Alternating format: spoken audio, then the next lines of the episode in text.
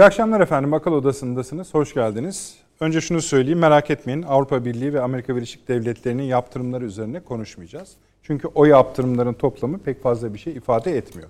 Ancak Amerika Birleşik Devletleri ve Avrupa Birliği'nin içinden gelen yani bu yaptırımların içinden gelen ve daha önemli olduğunu düşündüğümüz iki konu var.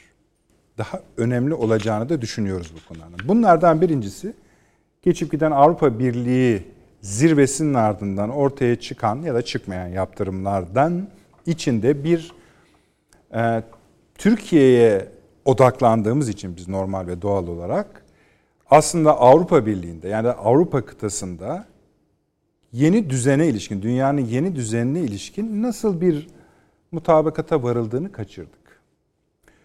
İki tane şey oldu. Bunlardan birincisi bu programlarda sıkça bahis etmiştik. Şimdi artık daha elle tutulur hale gelen Fransa-Almanya arasındaki Avrupa Birliği liderliği, rekabeti zirveye ulaştı. Hatta bir sonucu da sonuca da ulaştı. İkinci konu e, Biden'ın seçilmesiyle birlikte Avrupa Birliği ve Transatlantik İttifakı'nın tazeleneceği konusu aynı grup içinde, bu sefer grup diyelim, Fransa ve Almanya'nın başını çektiği iki ayrı grup içinde bir çekişmeye, iddialaşmaya neden oluyordu. Almanya bu işi tekrar NATO yapacak. NATO'nun yanındayız, NATO'nun içindeyiz diyerek sürüklüyordu. Fransa ise daha otonom, hatta stratejik özelliği olan bir savunma sistemi dış politika anlayışını savunuyordu. Tabii bu benim çizdiğim kadar net, sınırları geçilmez, kırmızı çizgileri olan söylemler değildi. Açıldıkça, içine bakıldıkça bütün dünyanın önümüzdeki dört yıl boyunca ne yaşayıp yaşayamayacağına ilişkin bilgileri barındıran ayrışmalardı. Hatta kısmen de buluşmalardı. Bu işin Avrupa Birliği tarafı. ABD tarafı ise şu. Evet oradan bir yaptırım geldi. Yaptırımların içeriğine baktığınızda da çok üzerinde laf söylenmeye gerek olmayan, o ağırlıkta olmayan, cürmü kadar yer yakmayan bir şeyler, bir şeyler. Yani o Türkiye'yi acıtmaz ve acıtmadı da. Ancak S-400 meselesi tekrar gündemimize gelmiş bulunuyor. Üstelik tehlikeli bir form alarak. Bunu biraz konuşmak isteyeceğiz bu akşam. S-400'lerin bir sonuca bağlanmasını Amerika Birleşik Devletleri kesin olarak talep ediyor Türkiye'den. Daha önce etmiyor muydu? Hayır etmiyordu. Daha önce şiddetle bu vurguyu yaptı, oldu ve cevabını da aldı. Amerika Birleşik Devletleri şu cümleyi de kurmuştu. Bir tek çivisi bile gelirse sonuçlarınızda sonuçlarına katlanırsınız denmişti. O zaman Türkiye'de neler söylendiğini, neler yazıldığını pek iyi hatırlıyor olmalısınız. Türkiye bunları aktif hale dahi getirdi, denemelerini yaptı. Ancak bugün S-400'ler üzerinden ayrı bir konu açmamız gerekiyor. Yani AB ve ABD üzerinden gelen Türkiye'ye yönelik bakışı bu iki bağlamda. Yani bir, küresel dengelerde Avrupa'da ne oldu, ABD ile bağı ne? İki, S-400 üzerinden biz yeni meseleleri nasıl anlayabiliriz? Buraya gelen Türkiye'ye S-400'ler nedeniyle gelen yaptırımlara hızlı aynı saatler içinde Rusya, İran, Azerbaycan, Pakistan reaksiyon gösterdi. Türkiye'nin yanında yer aldı. Başka ülkeler de var elbette. Karşı yönde ülkeler de var. Bunu bu şekilde de biraz ele almak istiyoruz. İkinci konu İran meselesi efendim. İran'la Türkiye ilişkilerini bir konuşmak icap etmekte. Bir şey oluyor. Sadece şunu söylemiyoruz. Cumhurbaşkanımızın e, Bakü ziyareti vesilesiyle e, dillendirdiği şiir üzerinden gelen mesele kapandı. Zaten İran Cumhurbaşkanı çıkıp o mesele kapandı dedi. Ben öyle olduğunu düşünmüyorum. Ben Sayın Erdoğan'ı tanıyorum. O minvalde konuştuğuna inanmıyorum. Gel gelelim bir casuslar meselesi. Milli İstihbarat Teşkilatı'nın operasyonları var. Emniyet Teşkilatı'nın operasyonları var. Bunları böyle tek başına da görmemek lazım. Türk istihbaratının bütünü sadece İran'a değil, bölgemizdeki gelişen bütün olaylarda taraf olan ülkeler, Birleşik Arap Emirlikleri de örneğin hedefinde. Ancak tabii bu üst üste geldiği için ve belki şunu da söylemek lazım. Washington Post'un manşetine kadar çıktığı için bu işler buna da bir bakmak istiyoruz. Ee, yaklaşık bunun dışında 7 konumuz daha var. Hepsini saymayacağım şimdi ama mesela bir para bir cep açmak için şöyle bir olaydan bahsedelim. Ee, Pakistan Suudi Arabistan'dan efendim 2,5 e, milyar dolar para almıştı. Sadece bu da değil. Orada son derece çok sayıda çalışanı vardı Pakistan'ın ve bölge politikalarında daha bağımsız hareket edebilmek istediğinde bu Suudi Arabistan engeline takılıyordu. Çin çıkarıp bu parayı küt diye verdi efendim. Ve hesabı kapadı. Şimdi bunun bu ufak bir cep, ufak bir olay. Bunun üzerinden de açılımlar yapmak istiyoruz. Barzani PKK arasında çatışmalar şu anda dahi sürüyor. İsrail'in Biden'a gönderdiği bir mesaj var. Ankara ile ilişkilerinizi doğru dürüst kurun. Hafif adımlar atın. Bu ülke üç kıtayı kapsayan güçte bir ülkeye dönüştü diye. Tabii bunlara çok kanmıyoruz ama anlamlandırmak zorundayız. Ee, dediğim gibi başka maddelerimiz de var. Bu ilk maddemizde Amerika Birleşik Devletleri ve e, AB arası ilişkilerde de bir ilk gerçekleşti. Tıpkı bizim başımıza gelen gibi yani bir NATO ülkesine ilk defa ABD tarafından içeriği ne olursa olsun bir yaptırım düzenlenmiş olması gibi. Avrupa Birliği NATO ilk kez resmi olarak buluştu. Bu da ilginç. Bunu da katacağız konuşmalarımıza. Son olarak da bizim için en keyifli, umarım size de e, eğlenceli dakikalar e, katabiliriz. John Le Carre öldü efendim. Kim, bilmeyenler için söyleyelim. Soğuk Savaşı anlatan yazar diyelim. Eski bir MI6 ajanıdır. E, bugüne kadar casusluk romanı yazmak neyse o şekilde tarif ediyoruz ama sadece o kadar değil. Neden o kadar değil? İngiltere'de, Avrupa'da, dünyada etkileri olmuş bir öyküsü var. Sinemalara, filmlere de yansımış. Onu biraz hoş sohbet tartışmak istiyoruz. İnşallah zamanımız yetecek, yetiştireceğiz yani. Sayın Avni Özgür, hoş geldiniz. Hoş bulduk. Sayın Profesör Doktor Süleyman Seyfi Öğün Hocam, hoş geldiniz. hoş bulduk. Ankara'da Profesör Doktor Taşansı Türker Hocam var. Hocam hoş geldiniz. Bu akşam Fahri Paşam'la yer değiştirdiniz. Saygılar, selamlar. Ee, Perşembe günü de Evet, Fahri Paşam olsun. sizin yerinize bizim yanımızda yer alacak. Ee, tekrar hoş geldiniz diyelim. Evet abi yani e, yaptırımlar. Evet. Şu üç parça rica ediyorum. AB, ABD, S-400. Az önce siz de söylediniz.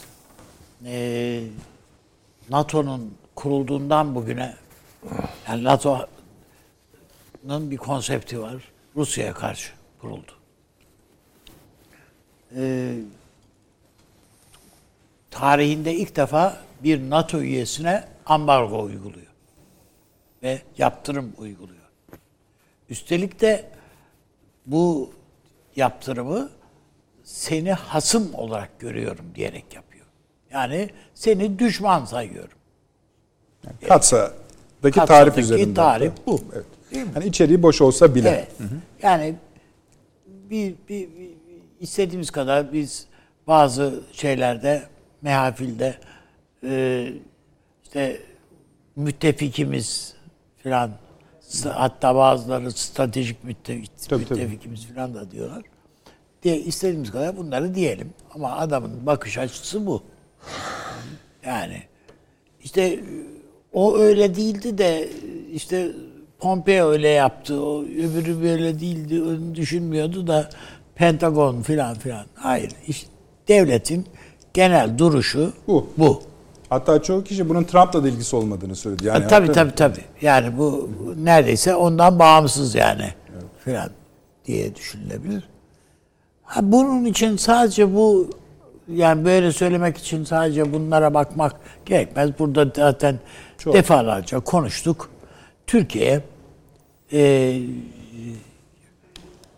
2000'lerin başından itibaren hatta daha öncesi de vardır da hani artık konuşmuyoruz onları yani hani bu Johnson mektubuydu şunlar bunları atladık yani onları geçtik efendim e, Türkiye kolay da değil yani 75'te biliyorsunuz Türkiye'deki bütün Amerikan üslerini kapattı ve 5000 Amerikan askerini hudut dışı etti. 24 saat süre verdiler ve 24 saatin içinde Yunanistan'a gittiler buradan.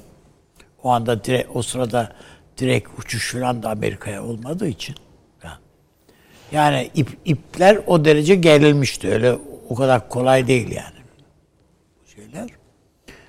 Yani bakıldığında bu sefer de e, işte adam bu çekiç güç şu bu dolayısıyla PKK'yı abarttı, büyüttü, besledi, teşvik etti. Suriye'de bir başka kol oluşturdu ve ona bir yeni devlet vaat etti. Efendim işte PYD filan önümüze bunları çıkarttı. Bunların hepsi hepsine rağmen Türkiye'de hala bir yani işte Amerika'ya toz kondurmama gayreti her zaman için e, var oldu. Şu anda da var. Ee, şu anda da var tabiatıyla. Yani yok değil. Ee,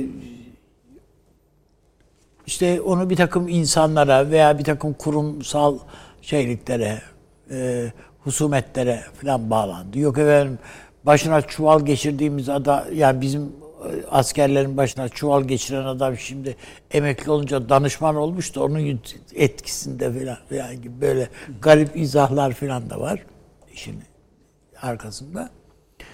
Ama bunların hiçbirisi bir devletin karar mekanizmasını belirleyici olmadığını Türkiye biliyor yani tecrübelerimizle. Bunu biliyoruz. Ee, ve Türkiye'nin böyle bir müttefiki falan da yok. Esasında birçok yerde biz Amerika ile çatışıyoruz esasında. Kapışıyoruz. Savaşıyoruz hatta bazen. Birçok yerde. Ee, bu böylece daha da tırmanabilir. Eğer birileri aklını başına almazsa Amerika'da, New York'ta, Washington'da birileri aklını başına almazsa bu daha da tırmanır. Ee, bunu bu coğrafyada çok hevesle bekleyen, isteyen vardır. İşte kimileri diyor ki bu NATO'dan NATO'da çoğunluk şey ittifak maddesini değiştirelim. Efendim işte bir sayısal bir çoğunluk koyalım falan falan diyenler var. Bu, bu değişiklik bile bize rağmen yapılamaz. Bunu biliyorlar. Ama şunu da, şu da bir gerçek. NATO dediğimiz yapı Amerika'ya göre kurulmuş bir yapıdır.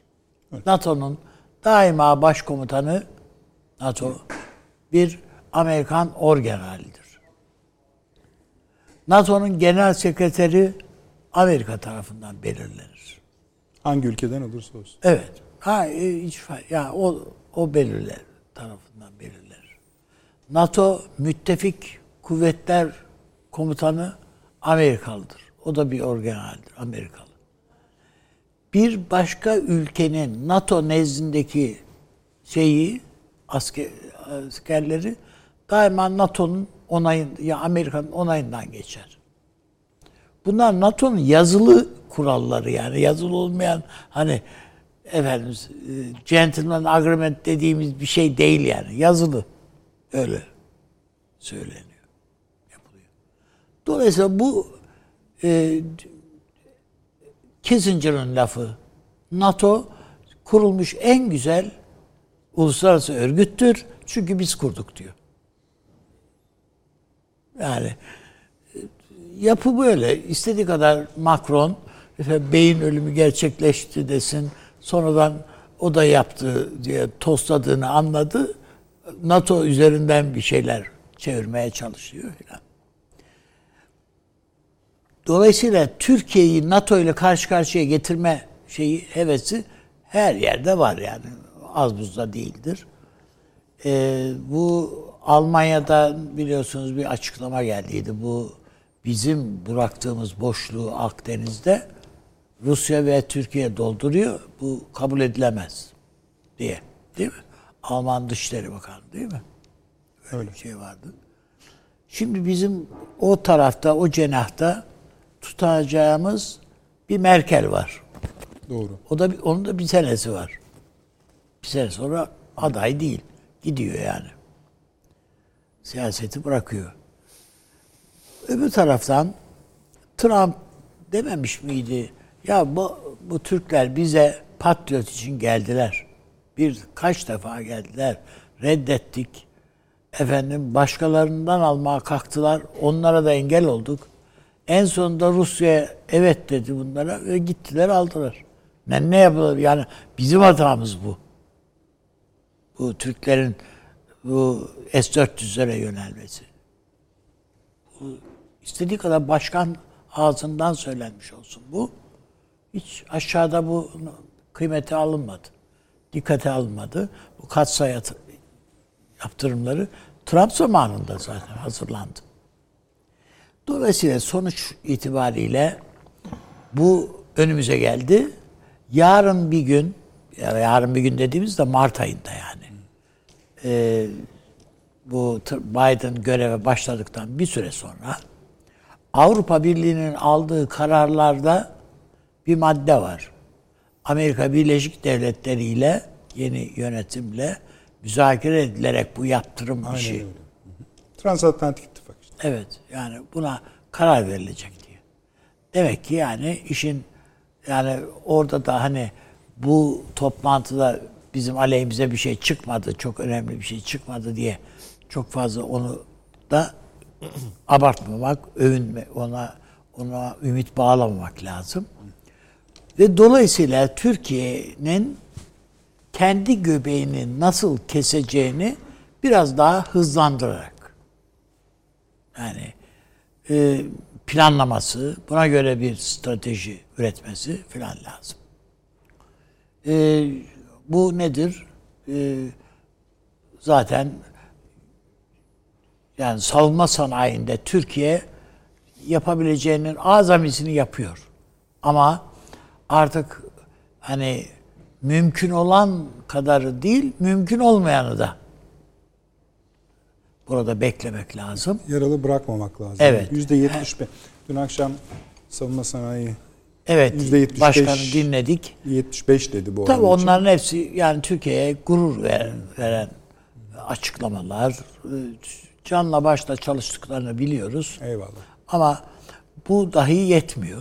Yani bi- bi- biliyorsunuz adamlar nerede açık görürlerse işte yok e, SİHA'ların, İHA'ların işte motorlarında Kanada'dan bilmem ne geliyormuş da onu Kanada ambargo koydu filan filan. Hemen Türkiye Allah'tan bunun yerine kendisini üretti ve o eksiği telafi etti gibi. Yani ne var ise efendim işte bu milli muharip uçak projesi dahil olmak üzere e, her şeyi alanda Türkiye e, ileri hamlelerini yapmalı, yapabilmeli. E, ve burada bir tek şeyin var. Bunu e, bugün bir dostum şey yapmış, kaygısını yansıtan bir mail, mesaj göndermiş. Ona cevaben dedim ki bir tek, yani biz bunları aşarız. Ama bir tek şey var. Kendi ayağımıza kurşun sıkarsak korkumuz budur bizim. Bazen böyle yaparız yani. Yaparız dediğim devlet olarak yapmayız da Türkiye'nin şu anda iç siyasette tam bir tesanüt halinde olması icap eder. Yani en azından bu ulusal çıkarlar konusunda Türkiye'nin çok fazla böyle indirip kaldırıp kavga dövüş şey işi götürmeden çözebilir olması lazım. Ben o açıdan hem siyasi iktidar hem muhalefet özellikle de ana muhalefet açısından böyle geçmişte biliyorsunuz bu Amerika'ya dilekçeler verip Türkiye'ye şunları şunları şunları yaptırtırın efendim diye Biden'a filan. Bu, bu tür şeylerden vazgeçerek bunun bir Türkiye'ye bir yaklaşım var. Bu bir hasım şeydir. Bu kararların Amerika'nın aldığı kararların değil de bu e, Rent Corporation filan hazırladığı bir takım raporlar var. Hı hı. Orada e, Erdoğan'ı yıkacak, devirecek kim varsa ondan işbirliği yapmalıyız diye bir şey madde de var biliyorsunuz gibi. Bu tür şeyler var. Bunların bir maksada mı atıf olduğunun idraki içinde. Herkesin. Yani, buna yani göre. ana muhalefet partisine mi söylüyorsunuz Efendim? bunları? Ee, Ana muhalefet de İyi Parti'ydi. işte diğerleri. Hani programımızın ko- vakti size feda olsun da isterseniz daha önemli konuları Değil. Hayır yani ben yani bu yani bunun idrakinde olmak lazım. Bunu Mu- tabii yani da abi kime konuşuyorsun ya? ya kimseyi konuştuğumdan değil yani ben bunun belli bir ad, şu şuna hatırlatmak diye söylemiyorum. Ama böyle bir şey var karşımızda. İkincisi Amerikan başkanlığına seçilen insan daha önce yaptığı bir basın sohbetinde açıkça bunu söyledi. Söyleyeceğim, söyle. Açıkça söyledim. Ha bütün bunları eğer biz göz önüne alarak bir siyaset üretebilirsek bununla neyi kastediyorum? Suudi Arabistan'a karşı bir siyaset üretebilirsek e, do, yani ilişkilerimizi iyileştirecek. Keza Birleşik Arap Emirlikleri falan dahil, Mısır dahil, İsrail hatta belki dahil. Yani bütün bu coğrafyamızda e, ilişkilerimizi yeniden tanzim edecek bir siyaset hamlesi, bir dizi üretebilirsek ben bunun bir başarı hanesine yazılacak bir şey olduğunu düşünüyorum. Bugün güzel bir haber biliyorsunuz şey Nahçıvan e, boru hattı Doğalgaz. doğalgaz Yeni boru hat. hattı. Evet yeni hat. Önemli bir Bu konu. çok önemli bir şeydir bizim için. evet. Ee, ikincisi biz benzer bir yaklaşmayı yani e, güneyimizde e, Yani bu Kuzey Iğdır Irak'la- Nahçıvan'ı söylüyorsunuz değil Nahçıvan, mi? tabii. Iğdır'dan gidecek. Tabii tabii tabii. A- Iğdır'dan gidecek olan. Yani be, doğalgaz bize gelecek. Ee, bizden Iğdır, Iğdır üzerinden Nahçı- Daha şeye, önce İran'dan Nahçıvan'a. gidiyordu. Evet, İran'dan gidiyordu. Şimdi Türkiye'den Önemli gidecek. konu, evet. Yani benzer bir şeyi e, Azerbaycan'la yakın tabii Azerbaycan'la bizim e, bir soydaşlık ilişkimiz var. O ayrı mesele. Ama bizim benzer bir şeyi yaklaşımı Kuzey Irak'la da e, O pek güçlendirmemiz lazım. Bu S-400'ler konusunda bir şey söylemek ister Ya misin? este daha önce bir defa söylemiştim. Yani bir çözümsüzlük görmüyorum esasında ben. Ama e, bunu genelde herhalde alırken de zaten bunları öngörmüşüzdür. E, bunlar konuşulmamış şeyler değildir ama e, daha önce bu S, S serisi e, ne işte S300 filan alan S400 yani S300'ü Pakistan'da değil mi aldı S400'ü aldı. S- S-300'ü esasen Amerikalılar da aldılar yani 94'te mi ne? Yani aldılar. Nasıl çalıştığına bakalım Dolayısıyla ama Pakistan'ınki filan da yani bunlar İkinci da bir takım modeller geliştiriyorlar. Yani Amerika neye razı olacak, neye olmayacak onlar. Belki Türkiye o müzakerelerle bir şeyler e, farklı bir konsept geliştirebilir filan diye bakıyorum. Ama ben bunun ilişkilerdeki temel mesele bu değil. Türkiye düşman mı değil mi kardeşim? Esas mesele budur. Tamam ama bu konu o yani onun süngü başı olabilir. Ha tamam evet koçbaşı Olabilir. bu olabilir. Olabilir.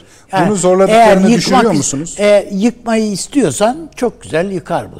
Yani "Ö, kardeşim dersin ve biter o iş. Bu konuda bazı adımlar attıklarını düşünüyor musunuz? Ben Amerikalıların yani Biden'ın bu konuyu bir ilk konu olarak öne önüne alacağını düşünmüyorum. Peki Türkiye'de bu konuda bir takım devinimler olduğunu düşünüyor musunuz? Evet vardır. Bir takım hazırlıklar olduğunu, Yani ne demek olabileceğini düşünüyorum. Yani Türkiye yani yarın öbür gün bir sürprizle karşı karşıya ka- kalmamak için mutlaka bunu bir çalışma konusu yapıyordur. Yani çünkü bu e, stratejik bir silah bu. Peki. Yani taktik bir silah değil. Ee, bilmem ne e, havadan karaya füze bilmem ne filan almıyorsunuz. Bu e, vurucu bir şey. Onun için e, O mutlaka kadar vurucu bir şey ki bu. Evet. Kullanmanıza bile gerek kalmıyor. Tabii yani radarlarını açtığınız anda zaten O teknik boyutu, siyasi boyutu da öyle. Hayır, hayır, siyaseten de zaten.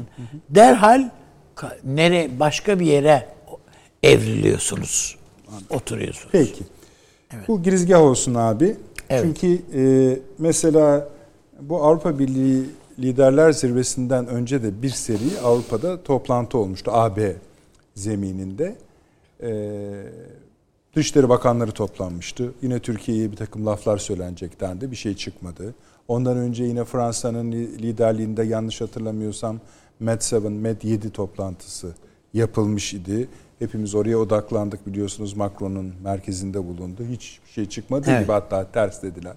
Nihayet bu zirvede de hayli sıkıştığı anlaşılıyor. Esasen burada Fransa'dan çok sıkışan Yunanistan ve Rum kesimi olduğu onların basınından anlaşılıyor. Macron'un bir noktada hatta durduğu da söyleniyor. Yani baskılama, baskı yapmayı? Muhtemelen şöyle yani e, onu yani Biden'la Hallederiz. nasılsa oturacağız bu. Avrupa Birliği olarak. Ha, orada yani şimdi burada şey yapmayalım, kapışmayalım. Evet. Yani biz her defasında bunlar ne yapacak diye bakıyoruz ama ortaya pek bir tabloda bir şey çıkmıyor. Mart ayının neden farklı olduğunu Avni Bey söyledi. Hakikaten o zaman bir Amerika Birleşik Devletleri Başkanı koltuğunda oturuyor olacak. Evet, öyle. Ve bu başkan Transatlantik İttifak'a gerçekten de önem veriyor. Gel gelelim asıl tartışmamız gereken konu da diğerlerinden tamamen farklı olarak bence burada başlıyor. Biden gerçekten Türkiye ile ya da Transatlantik Atlantik İttifakı üzerinden Türkiye ile kapışmak istiyor mu? İstemiyor Yani biz mu? düşman mıyız? Heh, Değil aynı soruyu yani tekrarlıyor eğer. Yani- düşmanız diyorsa Evet. burada artık yani hani e, kavgada yumruk sayılmaz yani. Aynen eyvallah sağ olun. Güzel söylediniz efendim. Hani soru bu esasında. Bu konvansiyonel bir soru gibi duruyor ama altı olduğu gibi stratejiktir. Ee, kavgada yumruk sayılmaz cümlesiyle ilk reklamımıza gidelim, onu savuşturalım ve dönelim.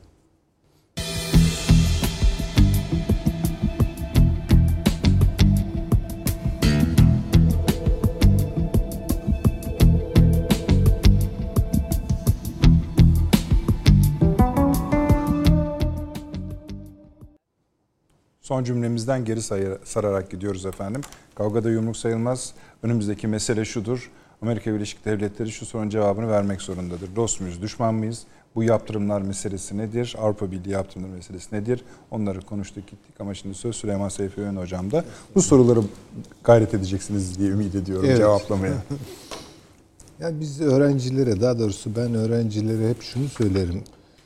Güncelin çok fazla peşine takılırsanız tarihi ihmal edersiniz. Tarihin çok fazla böyle derinliklerinde, labirentlerinde filan dolaşırsınız da günceli. Bunların arasında bir bağ kurmak lazım. Yani her güncel olayı, güncel gelişmeyi bir biraz tarihsel buğutlarına kavuşturmak gerekiyor. Ee, ama benim görebildiğim kadarıyla bu tabii akademik bir şeydir. Ee, günlük hayatın içerisinde bu pek takip edilen bir e, metot değil.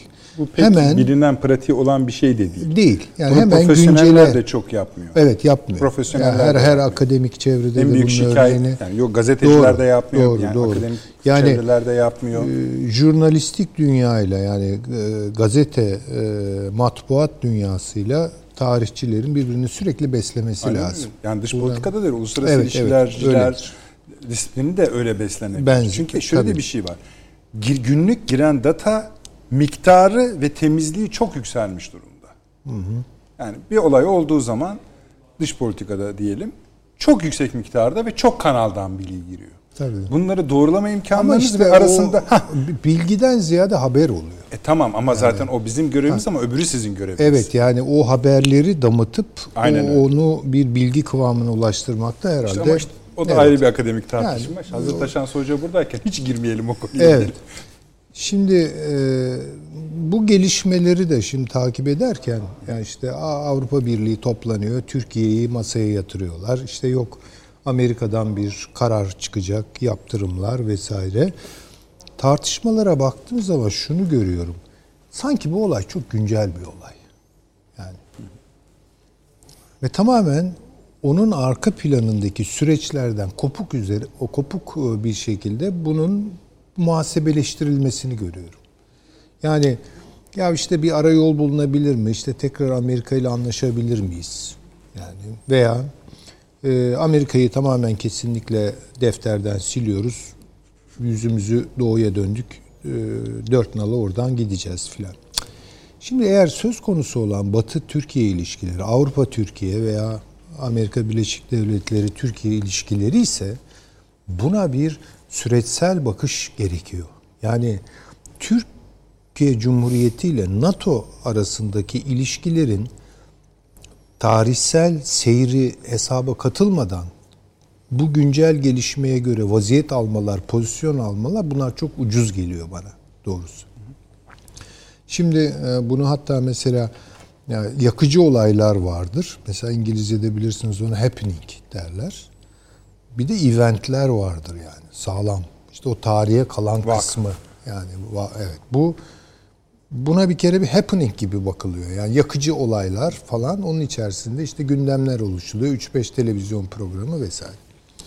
Halbuki Türkiye-NATO ilişkilerine baktığımız zaman balayı dönemi olarak mütalaa edebileceğim bir 7-8 sene var bilemediniz. Ondan sonra işte Menderes'in Amerika'da umduğunu bulamamasıyla başlayan, ardından 60'larda Kıbrıs olayları, Haşhaş'tır, bilmem işte Ege meselesidir, şudur budur. Darbelerdir, Demin- marbelerdir. Ha, darbe, yani çok böyle aman aman yani çok güzel giden bir şey birden bozuluyor falan değil.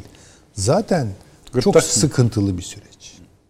Dolayısıyla bugün yaşanan sıkıntıları da önce bu zincire yerleştirmek lazım. Böyle tek başına bir halka gibi bakmamak lazım. O bir zincirin halkası olarak karşımıza çıkıyor.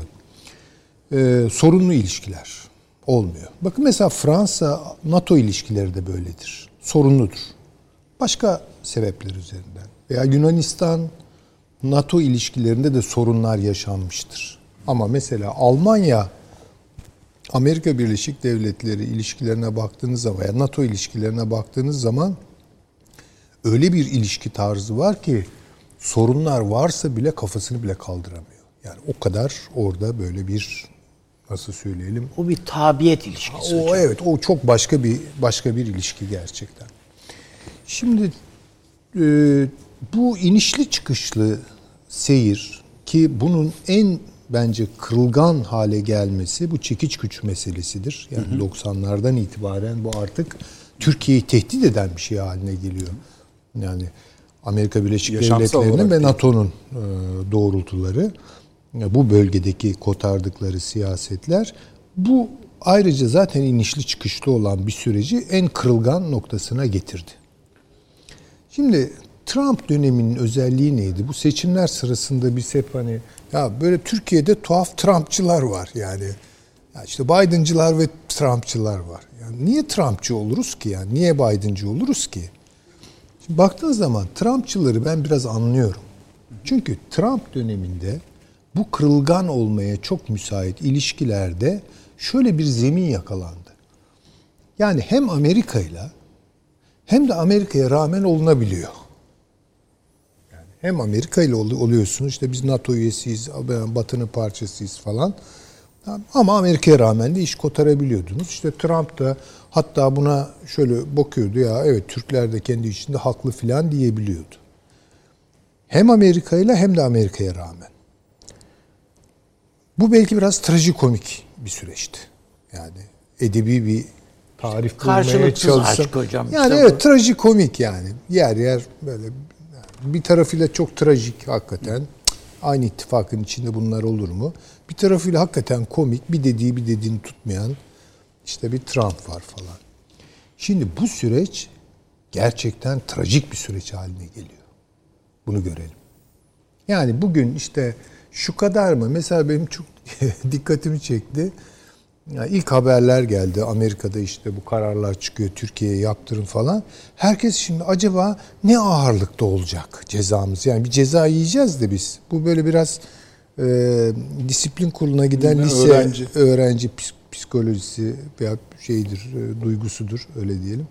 Yani acaba yani çok mu ağır, orta derece mi ağır yoksa hafif mi diye bunların saçma sapan tartışmaları yapıldı. Çünkü süreçten kopuk bakıyorlar.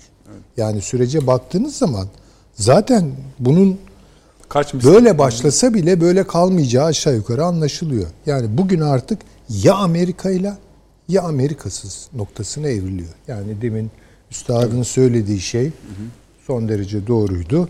Düşman mıyız kardeşim, dost muyuz yani? Ya düşünün bunu siz bir ittifak ittifakın e, ilişkisi içinde soruyorsunuz. Bu da hakikaten çok trajik bir soru. Bunu daha da ağırlaştıran bir süreç bekliyor Türkiye'yi. Ama ne tarz bir ivmelenme yaşayacak bu? Onu bilmiyorum. Hızlandırıcıları olacak mı? Onu bilmiyorum. Ama göreceğiz. Kasıt. Yani Yani, mesela takım S-400 böyle- olayı gibi mi? Ya S-400 zaten bu işin bence apse yaptığı yer yani. Yani ya bu bünyeyi zehirleyecek ya ondan kurtulacağız yani. Bilmiyorum bu çok e, şey bir mesele bu S-400 meselesi. Yani bizzat e, S-400'ün kendisi toksik değil de yani yarattığı sorunu anlatmak açısından Hocam eğer söylüyorum. patlatmak istiyorsanız S-400. Kurtarmak istiyorsanız yine S-400. İşte oraya geldi. Yani bunun şimdi- içinde yani- mesela bu artık İki bir- amaçla da kullanılabilir yani. Evet. Yani S-400. sizin bu cümleniz Süleyman Hocam bağışlayın ne olur. Estağfurullah. Süremiz var. Ee, izleyicilerimiz için bir şey söylemek istiyorum. Bu bahsettiğiniz cümle S-400'lerle ilgili bir cümle değil. işte onu, Değil onu tabii. diyorum Tabii, yani. hani Yani S-400 ama hocam söyledi ya yani Evet. bu düşman dost muyuz düşman mıyız kardeşim bu önce bunu Çünkü bu, belirleyelim. bu trajik bir soru gerçekten. Yani to be or not to be. Ve Yani Türkiye'de olmak de olmamak. Türkiye'de de S-400'lerle yani sizin ikinci önermenizle bu işi çözelim diyenciler var. E işte onlar bakın güncelciler. Yani güncelciler. Ha. yüzeysel bakanlar. Evet ama güncelci bunlar- kelimesinden de onları biraz kurtardığını düşünürüm. Ama iki şey var ama hocam ma onu ben sorayım o konuda herhalde daha net şey yapar. Zevahiri kurtarmak değil artık. Türkiye'de. Değil, değil tabii. Çıkış Tabii, yolu. tabii, tabii. Yani- Arkadaş dost muyuz düşman mıyız? Dostsak ha bunun Tabii. gereklerini yerine getirelim. Tabii tabii. Yok değil isek Şimdi bu. Türkiye'nin alacağı inisiyatif, Türkiye'de siyaset kurumunun veya genel olarak kurumsal dünyamızın öyle söyleyeyim, alacağı vaziyetle çok ilgili. Geliştireceği siyasetlerle çok çok alakalı bir şey. Ama bundan sonra artık biz bu meseleyi daha trajik, daha dramatik hatta konuşma noktasına doğru gidiyoruz. Şimdi benim aklıma biraz böyle tarih falan dediğim için şey geldi. Bu Disraeli ile Gladstone arasında biliyorsunuz İngiltere'de İngiltere'de. bir e, hükümet değişikliği olur. Liberal Gladstone gelir, muhafazakar Disraeli gider. Ondan sonra Türkiye'nin başına örülmedik çorap kalmaz. Kalmaz. Yani şimdi tabii analoji hoş bir şey değil ama ilişkilerin mahiyeti açısından karşılık buluyor bunlar. Yani şimdi işte Trump gitti. Yerine e, Biden geldi. E Biden'dan bekleyeceğimiz şeyler biraz bize Gladstone neler yaptı? Onun açılımı neydi? Orta Doğu açılımı neydi? Bunları doğrusu düşür, düşündürtmüyor değil. E, şimdi bunun olumsuz tarafına bakalım. Yani açık açık konuşalım. Ben de açık açık fikirlerimi söylüyorum zaten. Ee, kopma noktasına geldi varsayalım. Hiçbir süreç tek başına böyle toz pembe falan değil. Bunun getirdiği bir takım fırsatlar olur. Aynı zamanda riskler olur. Riskleri söyleyeyim. Rusya'nın son tahlilde e, Türkiye üzerinden geliştirmek istedikleri, Türkiye'yi nasıl bir Türkiye olarak görmek istedikleri, Sovyetler dönemindeki herhangi bir Sovyet, mesela diyelim ki Türkmenistan, Kırgızistan, Özbekistan gibi mi görüyor? Ee, yoksa ya bu da işte burada benim beraber iş yaptığım bir siyasal öznedir mi diye bakıyor. Ben bu konuda Rusya'nın kodlarında çok büyük son tahlilde değişim olduğunu zannetmiyorum. Risk budur. Yani bu bu çünkü bizi şuraya itecek. Yani Amerika'dan tam manasıyla kopma noktasına geldiğimiz zaman elimizde ne var ona çok iyi bakmamız lazım. Biraz sağlam bir şeylerle bu ilişkileri götürmek mümkün. Tabii ki Rusya'ya daha fazla yakınlaştıracaktır. Öteden beri zaten öyle. Bu gerilimlerin tarihine baktığımız zaman işte Amerika bizi ihmal ettiği zaman Rusya'nın kapısını çalmışızdır. Hem de en olmadık zamanlarda bir NATO üyesi ülke olarak karşıt kampın kapısını çalıp onunla ekonomik ilişkiler falan kurma noktasına gelmişizdir. Şimdi bu askeri bir mahiyet de kazanıyor. İşte S-400'ler bunu ifade ediyor.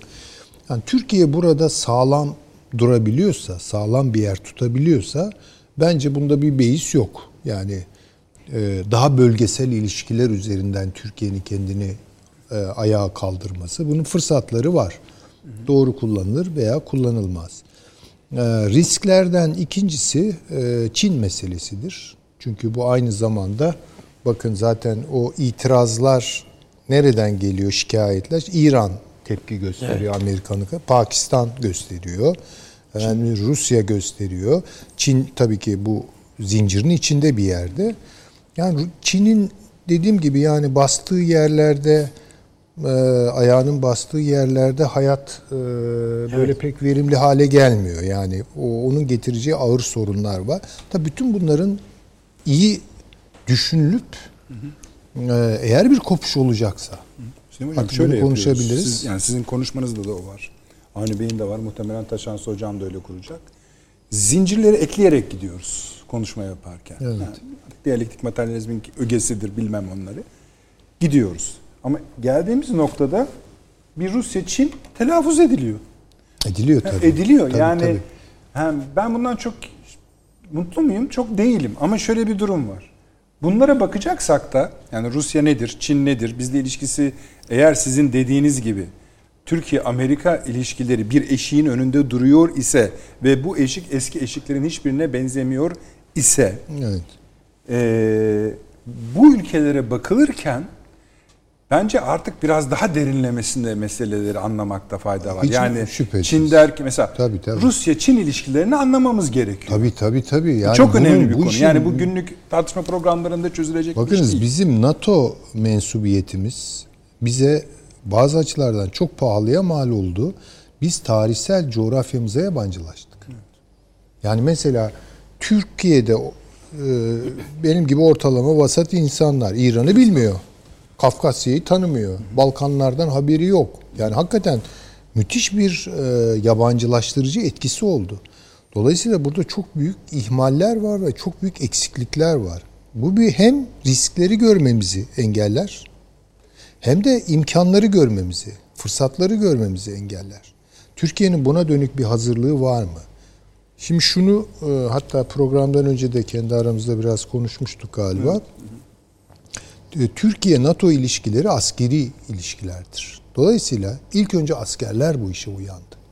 Yani ilginçtir kamuoyundan önce yani çok NATO'ya göre yapılandırılmış bir ordunun içinden itirazlar gelmeye başladı. Özellikle bu çekiç güç meselesinden sonra. Yavaş yavaş neredeyse artık bu ordu içerisinde bir hesaplaşmaya dönüştü ve e, 15 Temmuz hikayesi tam bu hesaplaşmanın yapıldığı yer. Bunu böyle görelim. Yani şimdi tabii ki ordu Amerika'ya rağmen ve NATO'nun konseptlerinin dışında tercihler, askeri, stratejik, teknolojik tercihler geliştirmeye başladı ve bu Türkiye Cumhuriyeti ordusunun gücünü belli bir noktaya getirdi. Yani Şimdi kamuoyunda da aslında bu tartışmalar yavaş yavaş ısınıyor. Ama ilk defa değil mi Teoman Koman Paşa'nın ağzından duyduk. Zamanın MGK. Evet. Tabii. Evet. Ee, bir de e, İskenderun'da yaptığı konuşma e, diğer bir paşamızın e, Tuncay, Tuncay Paşa'nın galiba değil Evet, mi? evet, bir evet, evet. konuşması ya apaçık altını çizdi. Yani mesela bakın bizim modernleşme tarihimiz içerisinde de en kritik kararları şöyle veya böyle askerler aldı. Askeri elitler ve bürokratik elitler aldılar. Hocam o İskender limanına biliyorsunuz Amerikan askerlerini yere yatırıp kafalarına silah dayandı. yani. Dayandı. Yani şimdi bakınız yani bunlar tabii meselenin Daha aslında meclis karar vermedi deyip evet evet. Yani siyaset biraz da bunun gerisinden geliyor. Ama bugün de o noktaya doğru gidiyoruz. Yani önümüzdeki günlerde Türkiye'de Amerikancılar ve Amerikancı olmayanlar arasında bir e, şey Bu önemli. yaşanacak. Evet. Bu önemli. Bunun Tabii, efendim tabii, yani bazı konuşmalarımız kapalı geliyor olabilir. Zamanlama nedeniyledir. Kaygı nedeniyle değildir. Sayın Süleyman Seyfi Öğün hocamın bu cümlesinin altını lütfen çiziniz. Önümüzdeki dönem Türkiye'de Amerikancılarla diğerleri arasındaki E, öyle tabii. Bu, bu, bu gerilim bağımsızlıkçılar diyelim. Ya adı böyle konmayacak ama bu Tabii, şablona tabii. oturacak. Zaten ama biz Bu burada oturacak. bu adı doğru dürüst konmayan cepheleri ve ne istediklerini gerçekte sadeleştirmeye ve tarif etmeye, izah etmeye inşallah devam edeceğiz. Devam edeceğiz. Son bu bir önemli şey, bir görevdir. evet, buyurun buyurun. Son bir Zamanımız şey var. söyleyeyim. Ee, ya bu işte Amerika ile yeniden e, ilişkiler normalleştirebilir mi gibi tamamen tarihsel, işin tarihsel serencamından kopuk e, düşünen çevrelerin yaptığı o nafile beyin jimnastiklerine sormak istediğim bir soru vardır. O da şu, umudunuz var mı? Yani mesela şöyle daha pratik bir hale getireyim. S-400'leri diyelim ki çöpe attı Türkiye. Dedi ki hata yaptık. Evet biz böyle bir NATO ül- ülkesi olduğumuzu unuttuk. Bundan sonra NATO standartlarına geri dönüyoruz. Karikatür bir şey ama. Peki bu, bununla olacak mı? Yani bundan sonra mesela ha Amerika veya NATO çevreleri ya nihayet Türkiye konseptlerinde artık onu adam yerine koyuyoruz mu diyecek. Adil Onun- eşit mi olalım karşılıklı? Ha diyecek mi bunu? Yani. Böyle bir umutları var mı? Ama bakın siz bunu söylediniz. Avni Bey'in tavsiyede bulunduğu kesimlere ait olmadığını biliyorum ama mesela bugün HD, dün HDP çıktı dedi ki S-400'leri iade edin Rusya'ya dedi. Şimdi bununla, gerçi onları ma- e, mazur görüyorum. Süleyman Soylu'nun meclis konuşmasından sonra daha toparlanamadılar ama bu fikirler vardır onlarda yani. Yani işte tabii böyle e, garip hem sosyalist olup hem de bu kadar Amerikancı olmak neyin nesidir? Bunu kendilerine nasıl izah ediyorlar? Onu da ben doğrusu anlayabilmiş değilim. Sorsanız sol bir partidir. Yani beklersiniz ki anti-emperyalist bir duruşu olacak. Ama öyle bir duruş yok. Tam tersine çok Amerikancı duruşlar üzerinden gelişen bir ideoloji. Ne diyelim? onları tarif etmekle uğraşmayacağız zaten. Yani Öbür bu- zor bu- konular başka Bu yani. siyasal kültür çalışmalarının esaslı bir bulmacası. Evet.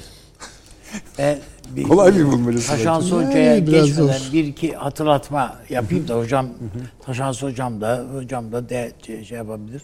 Bir rahmetli İsmail Cem'e e, rahmet, yine rahmetli İhsan Sabri Çağlayangil yani eski Dışişleri Bakanımız bir demeç verdi. CIA bizim dibimize oymuş diye. Yani bizim siyasette öğrendiğim budur dedi.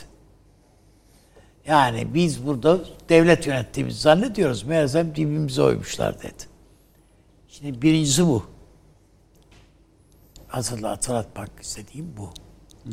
İkincisi bizim e, milliyetçi e, bir kitle diyeyim da böyle anti yani komünizmle mücadele derneği filan şeyleri günde yıllarında bize tavsiye edilen kitap hani kitap okuyacağız ya ondan sonra e, kitaplardan bir tanesi Kennedy'nin Fazilet Mücadelesi diye bir kitap vardır. Kitap, evet. Değil mi hocam? Bilirim Bu- o kitabı. Yani şimdi bu kendi içinde çok güzel bir şey yani a- tahlil, analiz, Kennedy sıkı, entelektüel de bir adam zaten filan filan.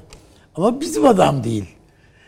Nitekim Küba krizinde derhal Türkiye'yi sattı yani. Değil mi? Tabii ki. Jüpiter füzeleri Türkiye'yi savunma için yüklüydü burada. Çekiverdi onları. Derhal o Jüpiter füzelerini sökün dedi. Dolayısıyla bu ilişki biz öbür taraftan bu Amerika ile ilişkimiz.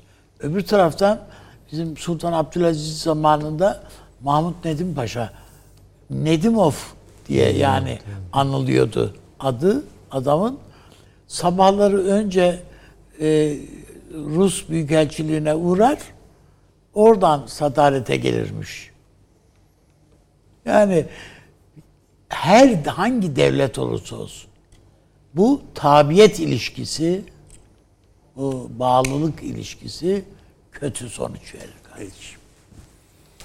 Her, her ikisi de fark etmiyor yani. İster Amerika'ya tabi ol, ister Yani Rusya'ya. şöyle de bir şey var ben Taşan Hoca'nın e, söylediklerini merak ediyorum bir taraftan da söyleyeceklerini ama şunu da bir ilave etmeme izin verirseniz Tabii, basit buyurun, bir şey.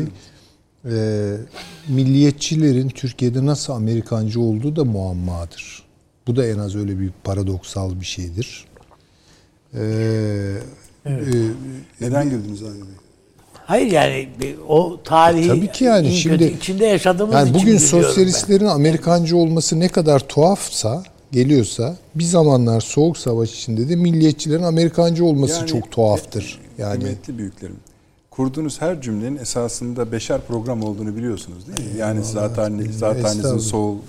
Milliyetçilik hikayesi zatenizin yine Sadece benim Amerikancı değil yani dünyada Türkiye'de da- milliyetçilik düşüncesini e, kökleştiren ilk e, adımları atan, ilk e, seslendiren insanların nereden gelip ne nelerle e, sahneye çıktıklarını Yani Türkiye'deki Bakmak siyasetin lazım. bütün unsurların Amerika Birleşik Devletleri'nin ne kadar nasıl nüfuz ettiğine ilişkin cümleler kuruyorsunuz esasında. E ama öyle işte öyle, tabii. öyle ve bunlar da konuşulmadı Türkiye'de çok yani. Tabii tabii. Öyledir. Peki şöyle yapalım. Taşansı Hocam bir, e, beklettim çok özür diliyorum ama konuşmaları görüyorsunuz. Size uzun uzun paslar açıldığı için hoş göreceğinizi zannediyorum. İki, e, şu rekl- ikinci reklamı da çıkaralım mı aradan?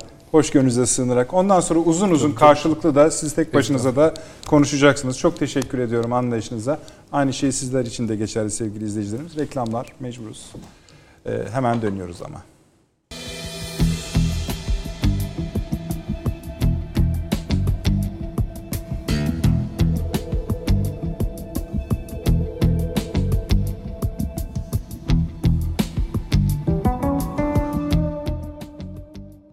Evet efendim Amerikancı olanlarla olmayanların tartışacağı diyelim en kibar ifadeyle. Çünkü böyle bir tartışma sadece tartışma olmaz. Bayağı keskin laflar edilir. Hala da bu ülkede bu iş oraya noktaya kadar geliyorsa ki geldiği anlaşılıyor. Hissediliyor diyelim. Anlaşılıyor demek iddialı olur. Hissediliyor. Ee, böyle bir dönem tartışılacak, konuşulacaksa da biz daha çok söz veririz hocalarımıza. Taşansı hocam buyurunuz. Yani ben baştaki 3-5 soruyu tekrarlasam bir şey ifade etmez. Çünkü onun üzerine bir 20 soru daha çıkar. Çıktı da zaten. Buyurunuz nasıl bir kazan kaynatırsanız buyurun. Ya e, ben birazcık hani kaynayan kazanı sakinleştirsem Buyurunuz. mi e, diye düşünüyorum Buyurunuz. aslında. Şimdi hem Avni Bey Üstad hem Süleyman Hoca tabii e, çok net bazı şeyler söylediler. E, Bazı kavramsallaştırmalar içerisinde bahsettiler ama şimdi e, bugün yaşanan döneme de baktığımızda bunun da bir konjonktür olduğunu hatırlamak gerek diye düşünüyorum. Yani bir konjonktür olduğu belli. E, Bu konjonktürün e, temel sorununun ee, S-400'lerde o somutlaşmış ama S-400'leri çok çok aşan daha derinlerde bir e, Batı ittifakı ile Türkiye'nin yaşadığı bir hukuk mücadelesi olduğu kanaatindeyim ben. Şimdi hukuk mücadelesinden kastım şu. Ee, Her ilişki malum bir hukuk üzerine kuruludur.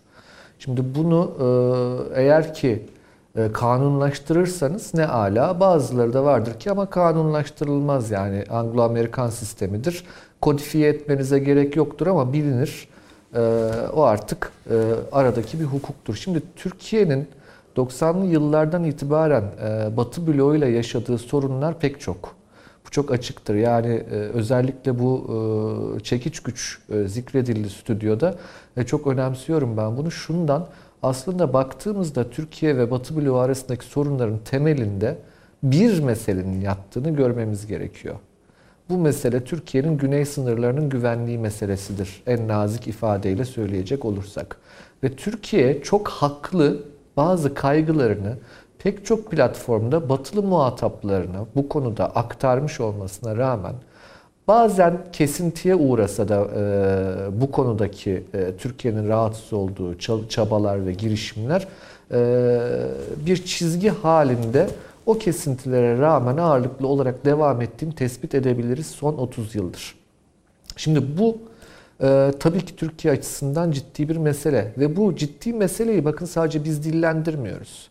Mesela James Jeffrey geçen hafta verdiği birkaç mülakatta tutuyor diyor ki Türkiye'nin diyor ben doğru olduğuna inanmıyorum ancak diyor kendi toprak bütünlüğüne dair diyor kaygıları olduğunu biliyorum ve bu kaygılar bize söylenen kaygılar değil onlar bunlara gerçekten inanıyorlar diyor. Şimdi e, biz buna inanıyoruz Türkiye tarafı olarak. Yani bizim kaygılarımız var. James Jeffrey'nin iddiası bu kaygıların aslında gereksiz kaygılar olduğu ama sadece biz inandığımız için bile dikkate değer bulunması gerektiği Batı tarafından. E, temel sorunun bu sorun olduğunu bir hatırlayalım. Yani Türkiye'nin güney sorunları, güney sınırları ve toprak bütünlüğü e, sorunu. Birincisi bu. Buna bağlı olarak dünyada değişen yeni stratejik dengeler içerisinde bu sorunun yarattığı kaygılar ve karşılıklı şüpheler daha da büyüdü aslında ve biraz önce açılışta söylediğim noktaya geldi. Yani Türkiye ve Batı kendi aralarında bir hukuk oluşturmaya çalışıyorlar. Şimdi bu hukuk oluşturmaya çalışırken de temel sıkıntı şu. Yükler var, bagajlar var. Nedir bu bagajlar? Batı'da özellikle ağırlıklı bir bagaj şudur. Türkiye Soğuk Savaş döneminde bir güney kanat ülkesiydi. Ve nasıl bugün Almanya için biraz önce e, Avni Bey Üstadım stüdyoda kullandı o kelimeyi. Ne dedi? Yani Almanya yok aslında. Orayı NATO yönetiyor. Türkiye için de böyle bir beklenti, işte bu muhteşem e, müttefiklik beklentisi Batı tarafından bir türlü vazgeçilemeyen bir beklenti gibi görünüyor. Ancak Türkiye bu güney sınırlarından kaynaklı sorundan mütevellit gözünü açmış olsa gerek ki ben diyor bu ilişkileri yenilemek istiyorum. Bakın bunun bir modeli var aslında. Yani bu hukuk oluşturmaya dair bir model var elimizde. O da Charles de Gaulle'ün modelidir. Yani Charles de Gaulle'ün Fransa'sının da NATO içerisinde bir şekilde göreli bir özellik kazanma çabası içinde olduğunu hatırlamamız lazım. İşte bu askeri kanattan çekilme vesaire Fransa'nın e, bunları akıllarda tutmamız gerekiyor.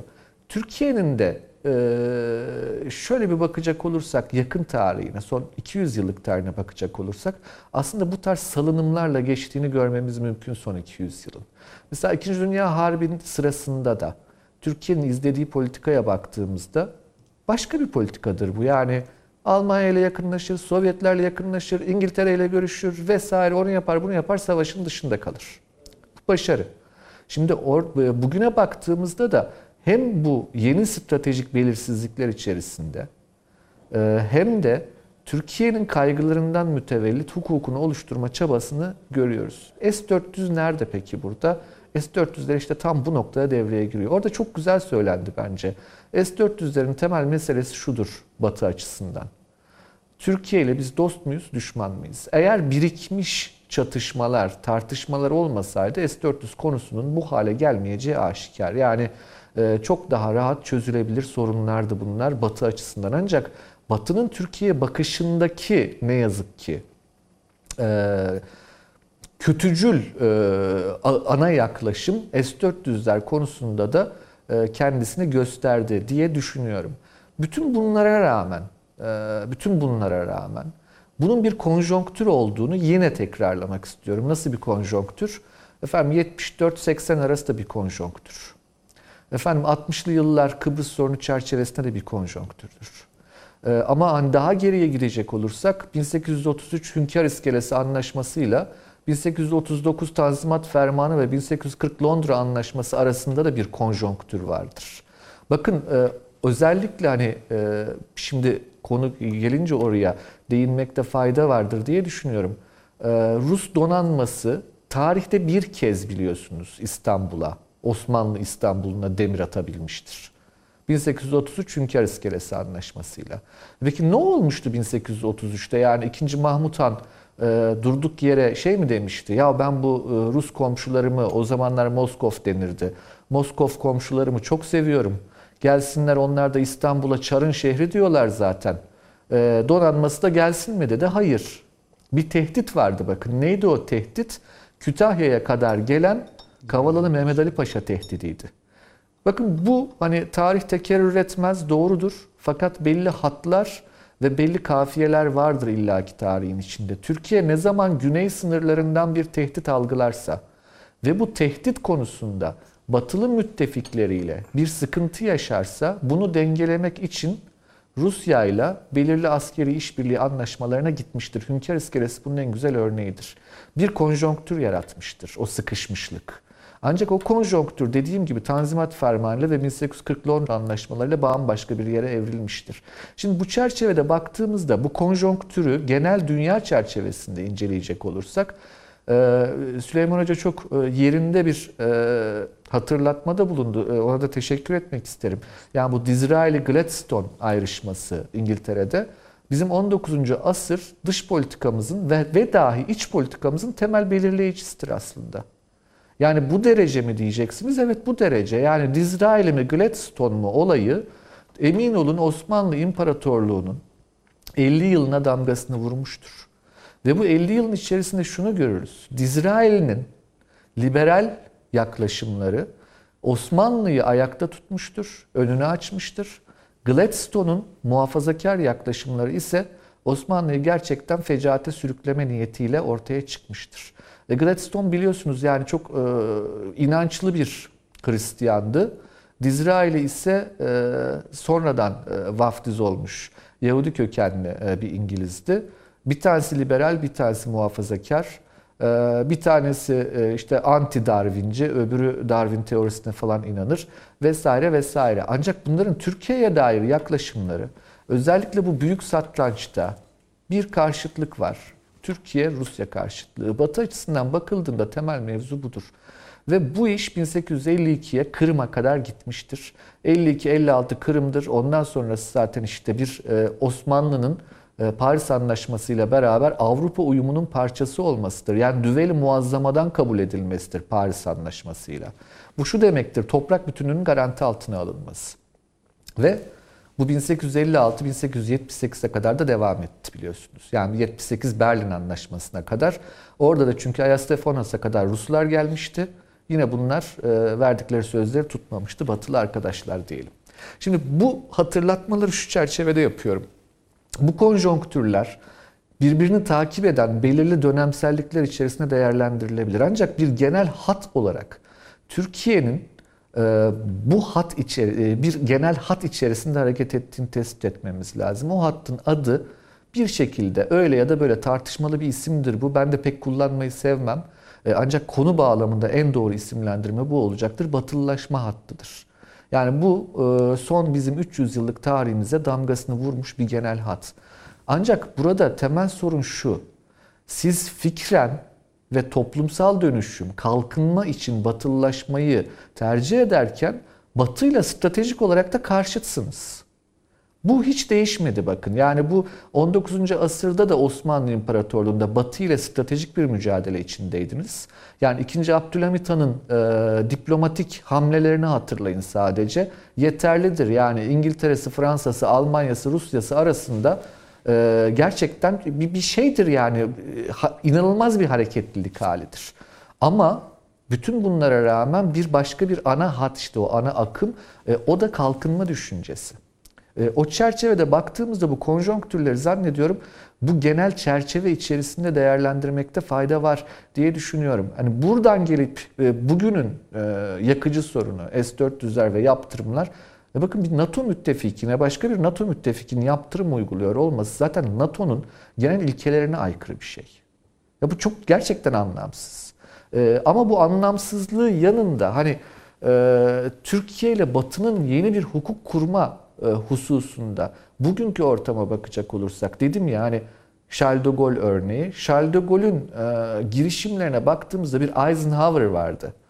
Eisenhower'ın Amerika'sının ardından hemen Charles de Gaulle bu girişimleri yapabildi. Yani Amerika'nın bir şekilde e, Atlantik kıyısındaki bir Fransa'ya özellik imkanı vermesiydi. Bu göreli özellik imkanı vermesiydi. Artı başka bir şey, bu çok çok önemlidir. Bakın orada nükleeri, nükleere sahip olan bir Fransa vardı. NATO sistemi içerisinde Soğuk Savaş'ta böyle bir göreli özellik edinebilmişti. Türkiye'nin Soğuk Savaş'taki pozisyonuna baktığımızda ise bu göreli özelliği elde etme imkanı hiç hiç yoktu. Neden yoktu? Çünkü bir kanat ülkesiydi gerçekten. Ve Fransa bir Rus tehdidi hissetmezken Türkiye bir Rus tehdidi hissediyordu. Bu vakadır. Yani böyle olduğu için bir özellik sergileyemezdi. Peki ya bugün? Bugün ise tam tersi. Soğuk Savaş bittikten sonra yani bir Sovyet tehdidinin küresel bir tehdit olarak ortadan kalktığı noktada ve Rusya'nın bölgesel güç ile küresel güç arasında bir yerlerde konumlandığı bir noktada.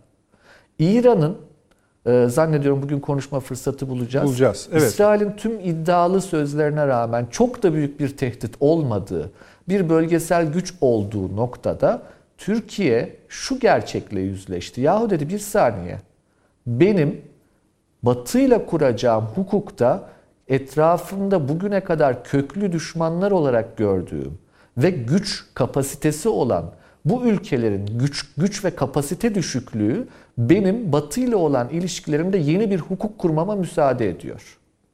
Şimdi bu algıdır ki zaten Türkiye'nin işte yeni bir arayışa gitmesi için pozitif katkı sağladı.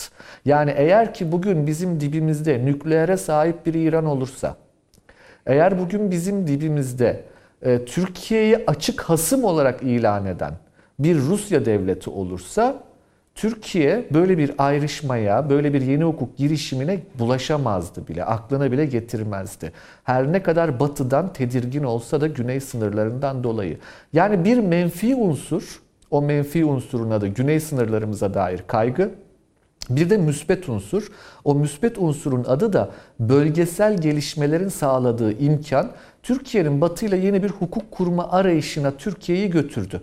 Ve S-400'ler işte tam da budur. Yani stratejik savunma e, silahları bunlar. Yani stratejik e, silahlarda e, NATO ile Rusya arasında bir salınım çok zor bir tercih gerçekten. Ancak Türkiye bu tercihte bulundu. Şimdi bu demek ki biraz önce saydığımız bir müsbet ve bir de menfi iki unsurun birleşmesiyle ortaya çıktı.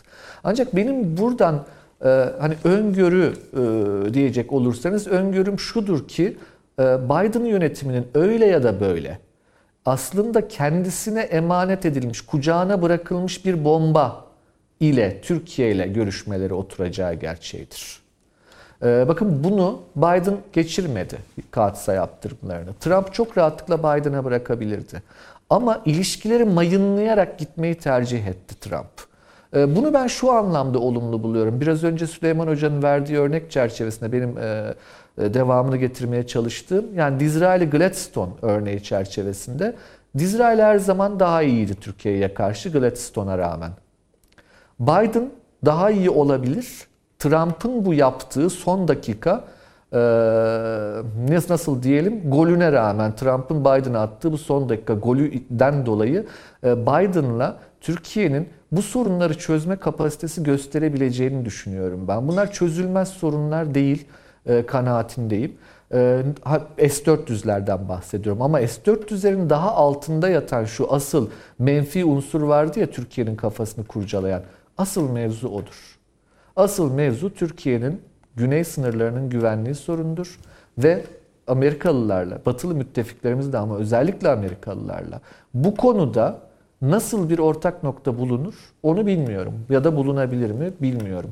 Ancak e, yani ben e, şey kanaatinde değilim böyle çok keskin bir şekilde Amerika ile ipler çok gerildi. E, henüz o noktada değiliz. E, Biden Peki. yönetimiyle beraber pek çok şeyin e, değişebileceği kanaatindeyim. Hızla değişebileceği kanaatindeyim. E, ama aynı zamanda sizin biraz önce söylediğiniz hususu çok çok önemsediğimi de söylemek isterim. Ee, Süleyman Hoca da hatta ardını getirdi onun. Bizim acilen ve acilen Rusya'yı çok iyi analiz ediyor olmamız gerekiyor Türkiye'de. Çin'in ekonomi politikalarının çok çok iyi analiz edilmesi gerekiyor. Bakın özellikle ekonomi politikalarının. Çünkü Çin'le Türkiye'nin varsayın ki kuracağı en e, köklü ilişkiler ekonomi düzleminde olacaktır.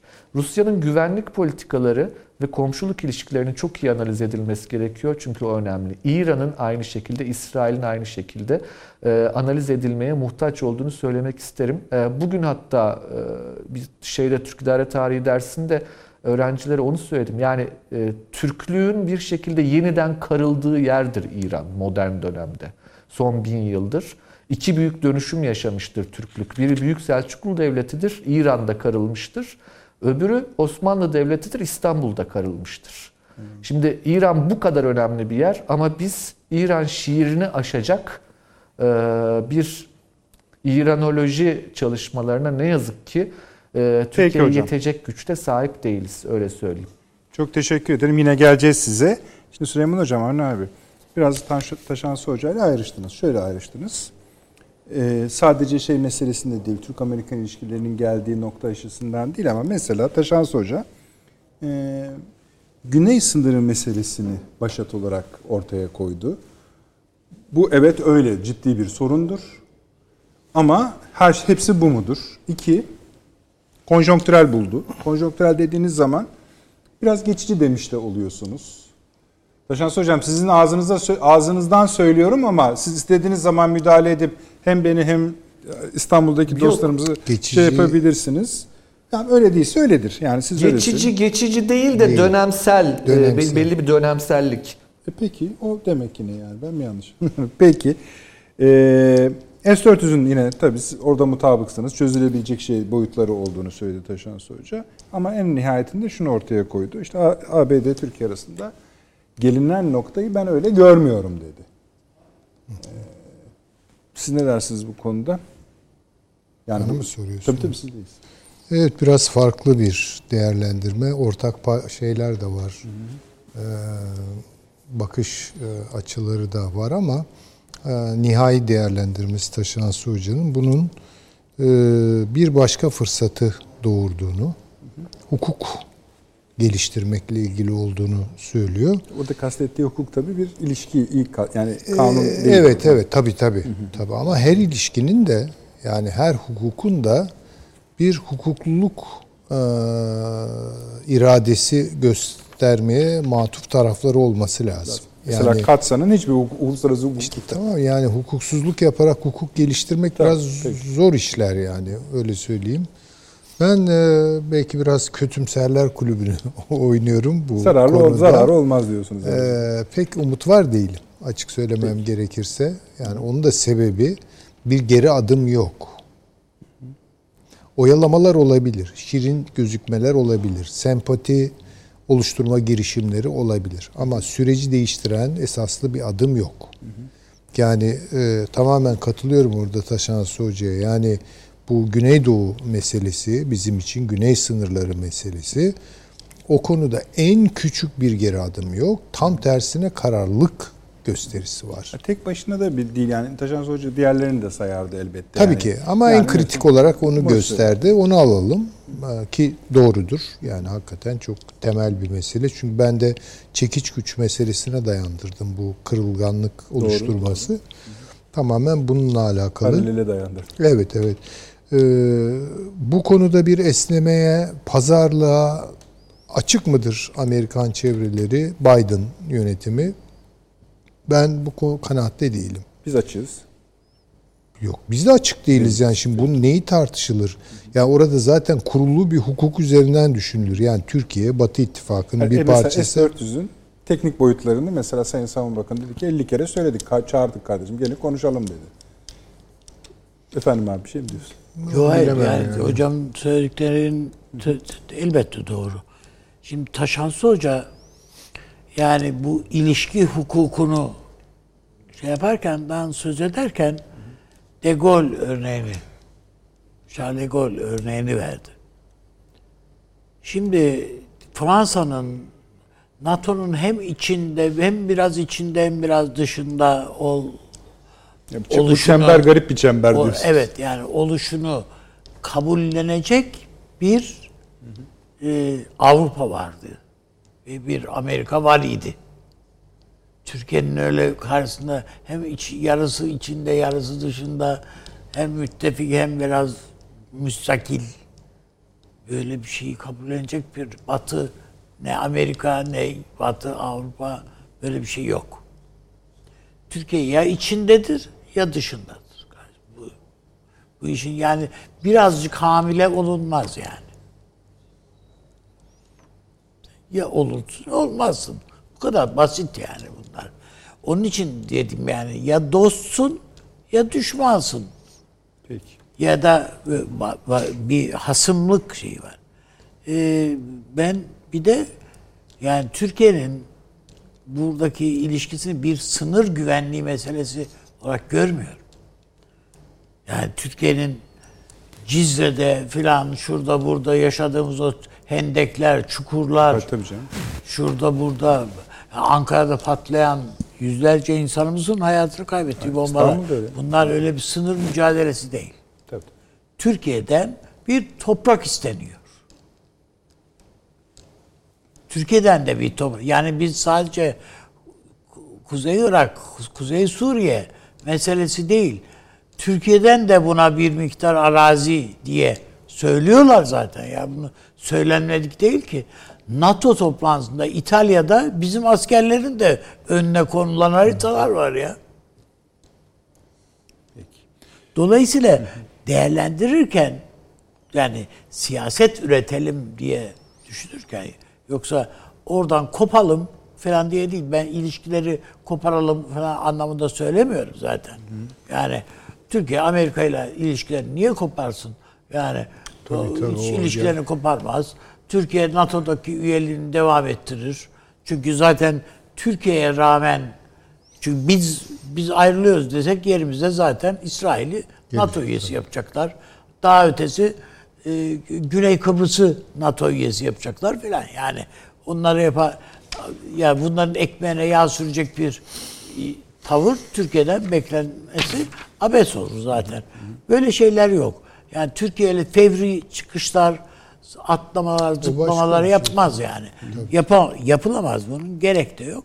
Ama bizim daha geniş bir bakış açısı oluşturmamız, geliştirmemiz, bunun e, hep öteden beri söylüyoruz. Yani bölgesinde filan şimdi şu Azerbaycan'da yaptığımızı ya daha fazlasını demiyoruz yani. Az buz iş mi? Az buz iş değil yani. Azerbaycan'da yaptığımızı yapabileceğimiz yerler de var yani. Yok değil yani. Peki. Süleyman Hocam kesildi galiba. kusura. Yok yani çok e, kısa bir şey söylemek istiyorum. Ben bu kadar trajik bir boyuta geldiğini bu işlerin e, tespit ettikten sonra buradan çıkarılması gereken netice şu değil. Yani bu iş kopacak ve Türkiye tamamen e, arkasını batıya dönecek, doğuya doğru dolu dizgin gidecek falan. Hayır tabii ki böyle bir şey söz konusu değil. Ama sürdürülebilir bir hukuk olmaktan çıkıyor Türkiye-Batı ilişkileri. Bunu görelim. Ve bunu de, e, bu yola sokan da biz değiliz. Tabii ki değiliz. Ha, mesele o kadar. Yani tabii ki değiliz. Türkiye'nin çünkü Taşansı Hoca da söyledi. Önceleri biraz mütereddit başlayan ama daha sonra gönüllüye doğru evrilen bir batıllaşma arzusu var. Ve bu bütün Türkiye'de kendi içinde problemli olan farklı farklı cenahların da ortak özlemini dile getiriyor. Özellikle bunu tüketim kültürünün yaygınlaşmasıyla gördük, sağlaması da yapıldı.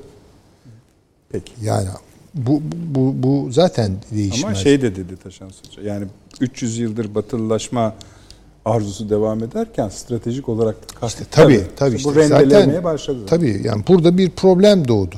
Şimdi bizim bence zihnimizi, zihin dünyamızı, kültür dünyamızı e, büyük ölçüde yeni oluşuma göre yeniden kurmamız gerekiyor. Çünkü çok hazır ve formel bir takım kodlarla düşündük ve zeminimizi kaybettik. Benim düşüncem bunun yarayabileceği, bu konjonktürün yarayabileceği e, belki bir fırsatta şudur. Yeniden Türkiye coğrafyasıyla barışıp daha tarihsel kodlarıyla uyumlu ama bunun metafiziğini yapmadan, abartısına, fetişizmine gitmeden yeni bir siyaset geliştirmek zorunda. Yani bu artık e- batılaşma tarihimiz devam edecek muhakkak. E, çünkü o değerler yadır e, ta- bir çöpe atılacak değerler değil. İşte cumhuriyet olmak, ulus Söyleyen- olmak yani vesaire. Ama, yani işte ama bu, bu bunun nerede oturtacağız? Hangi zemin üzerinde nasıl konuşacağız? Bütün bunları bence biraz tarihselleştirmemiz lazım. Yani formellikten çıkarıp tarihsel kılmamız lazım. Belki bu, işe yarayacak. Becerebilirsek altından kalkabilirsek tabii ki. Teşekkür ediyorum. Yani bu konu bitmiş değil. Bunu hani ilk adımın ilk adımı sayın. Bir cümle ekleyebilir miyim Nedret Tabii Taşans? Hocam buyurun. Kısaca rica edeyim. Sonra yine Sadece söz tek veririm. Bir cümle, Tabii hani buyurun. tabii, tabii tek bir cümle söyleyeceğim. Hani Trump Trump dönemiyle Biden dönemini karşılaştıracak olursak Türk-Amerikan ilişkileri açısından e, hem havucun hem sopanın Biden döneminde çok daha büyük olacağını düşünüyorum ben. Yani e, Trump döneminde e, Amerika'nın Türkiye'ye karşı yönelttiği havuç sopa politikası ya da Türkiye'nin Amerika'ya yönelttiği havuç sopa politikasında iki tarafında hem havuçları hem sopaları çok küçüktü. Bir ilişkisizlik hali sanki tercih edilir gibiydi. Biden döneminde E, iki tarafında sopaları da daha büyük olacaktır ancak e, havuçlar da daha büyük olacak gibi görünüyor. Son bunu söylemiş olayım. Çok teşekkür ederim. Şöyle de bir şey var. Yani tabii e, onların Biden yönetimine ait ağızların söylediği ya da kalemlerin yazdığına bakılırsa eğer Rusya bu denli hedefe konacak ise Türkiye'nin önemini de herhalde daha çok görecektir. Yani Doğru. Taşansı Hoca'nın bahsettiği büyük havuçlar, büyük sopaların bir kısmı da bu olsa gerek. Efendim dediğim gibi bu yani girizgahın girizgahıydı. Çok konuşacağız bu konuyu. Önümüzdeki dönemlerde daha ne kadar işin sertleşebileceğine de siz de şahit olacak, olacaksınız Türkiye'de. Ee, konuyu en azından bugünlük kapatalım. Yine eklemeler olursa devam ederiz. Onun için de bir araya gidelim. Siz de bir nefes alın. Sonra devam edelim.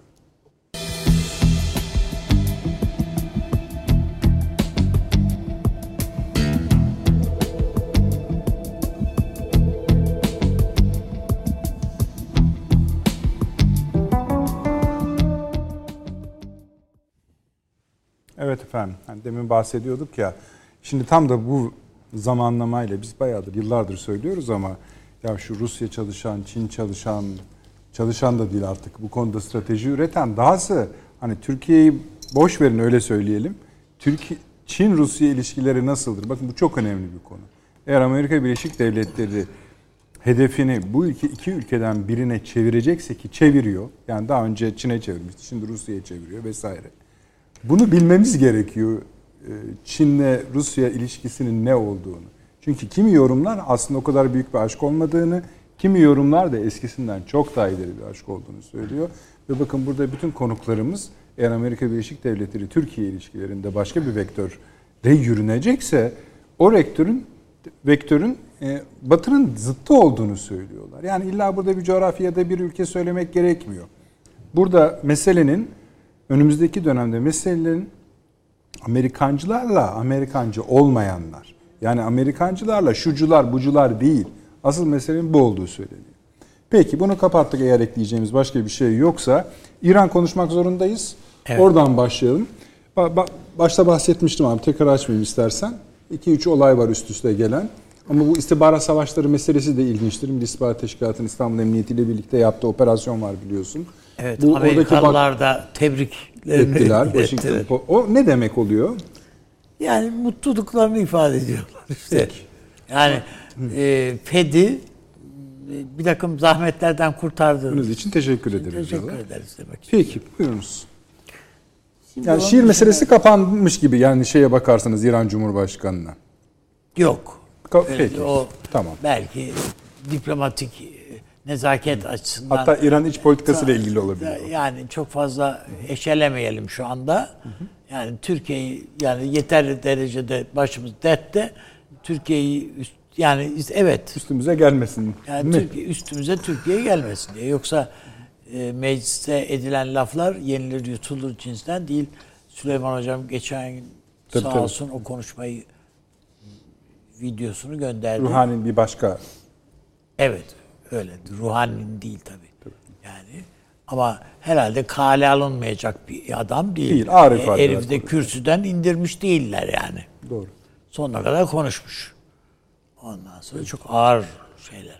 Bunlar İran parlamentosunda söylenebiliyor olması bizim için yeteri kadar önem taşımalı. Ve Türkiye'yi esas alarme etmesi gereken o konuşmaların arkasında yatan zihniyet ve siyaset. Esas şeyi o. Evet. Yoksa ruhani canım unuttuk gitti yani kapattık falan. Hayır o değil. O arkasında işte o istihbarattı, şuydu, buydu. Herkesin üzerinde yoğunlaşması gereken şey odur. diye Nedir o siyaset ve zihniyet? Şu, bu İran'ın da nasıl biz efendim kendimiz toprak bütünlüğümüzle ilgili kaygıları taşıyorsak İran'da da çok ciddi bir kaygı var kardeşim.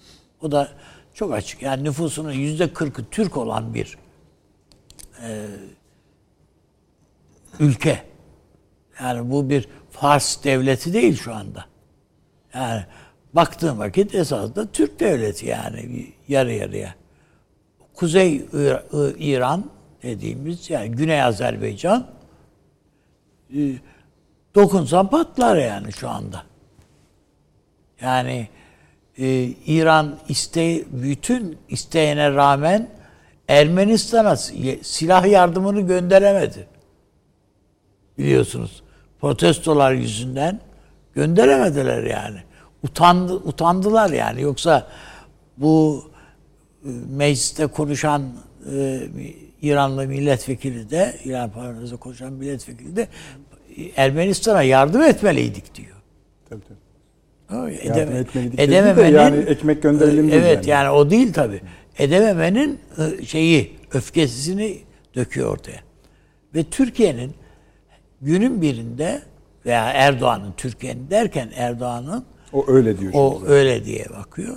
Günün birinde İran'ın toprak bütünlüğünü parçalayacak bir hamle e, odan beklenebileceği, Erdoğan'dan beklenebileceğini şey yapıyor. Ve daha başka bir takım iftiralar bizim tarihimize, Osmanlı'ya, şuna buna filan. Şimdi söylemek istediğim bu meseleyi evet biz İran'la savaşalım mı, kapışalım mı? Hayır yok. Ama bilerek oturalım masada. Bilerek oturalım. İran ne zaman biz masaya oturup da bu PKK işinde bize de yardım et. Bak vuruyorlar ve seni senin topraklarına kaçıyorlar. Ve sen orada hastaneleri var PKK'nın. İran'da. Öyle, şeyli değil, gizli kapaklı değil. Bayağı bildiğin hastane yani.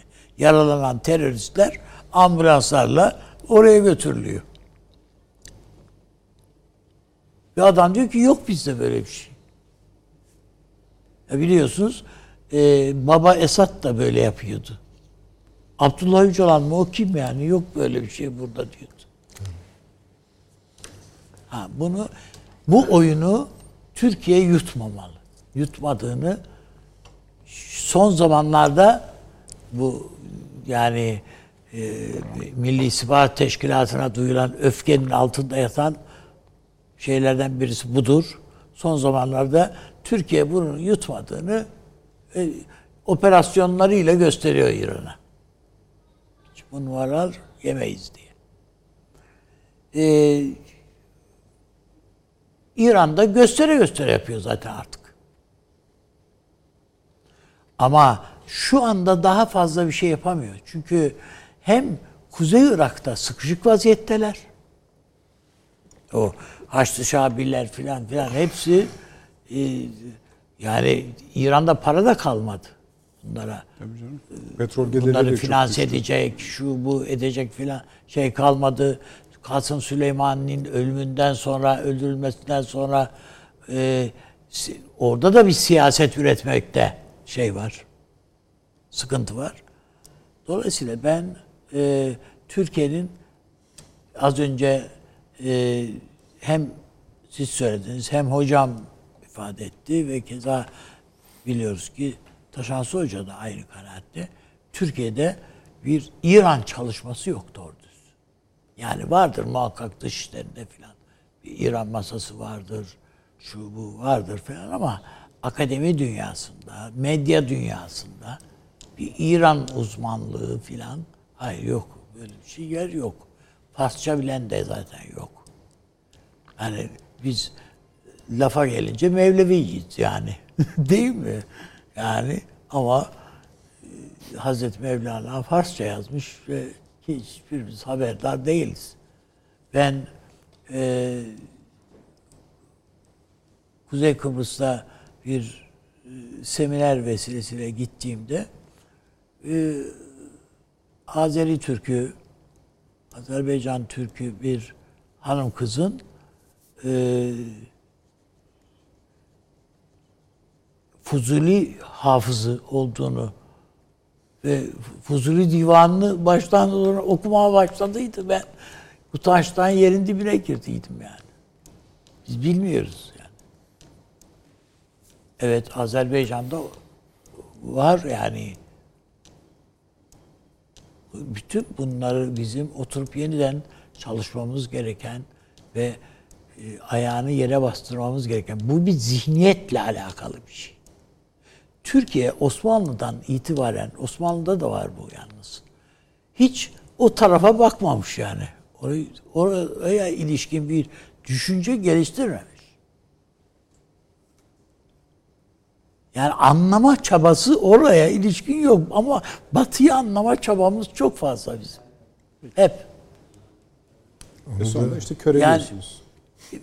Yani şöyle bir şey söyleyeyim. Yani böyle anekdotlara falan da bakarsan yani ne bileyim işte 4. Murat'a e, bir fil kulağından mı ne bir kalkan gönderiyor Şah efendim. Ondan sonra e, hani bu hiç bunu delecek bir şey yoktur hani anlamında filan. Ondan sonra bizim e, 4. Murat'ın yine kendisi gibi pazısı kuvvetli adamlar var. E, bir okla yayı al gel diyor.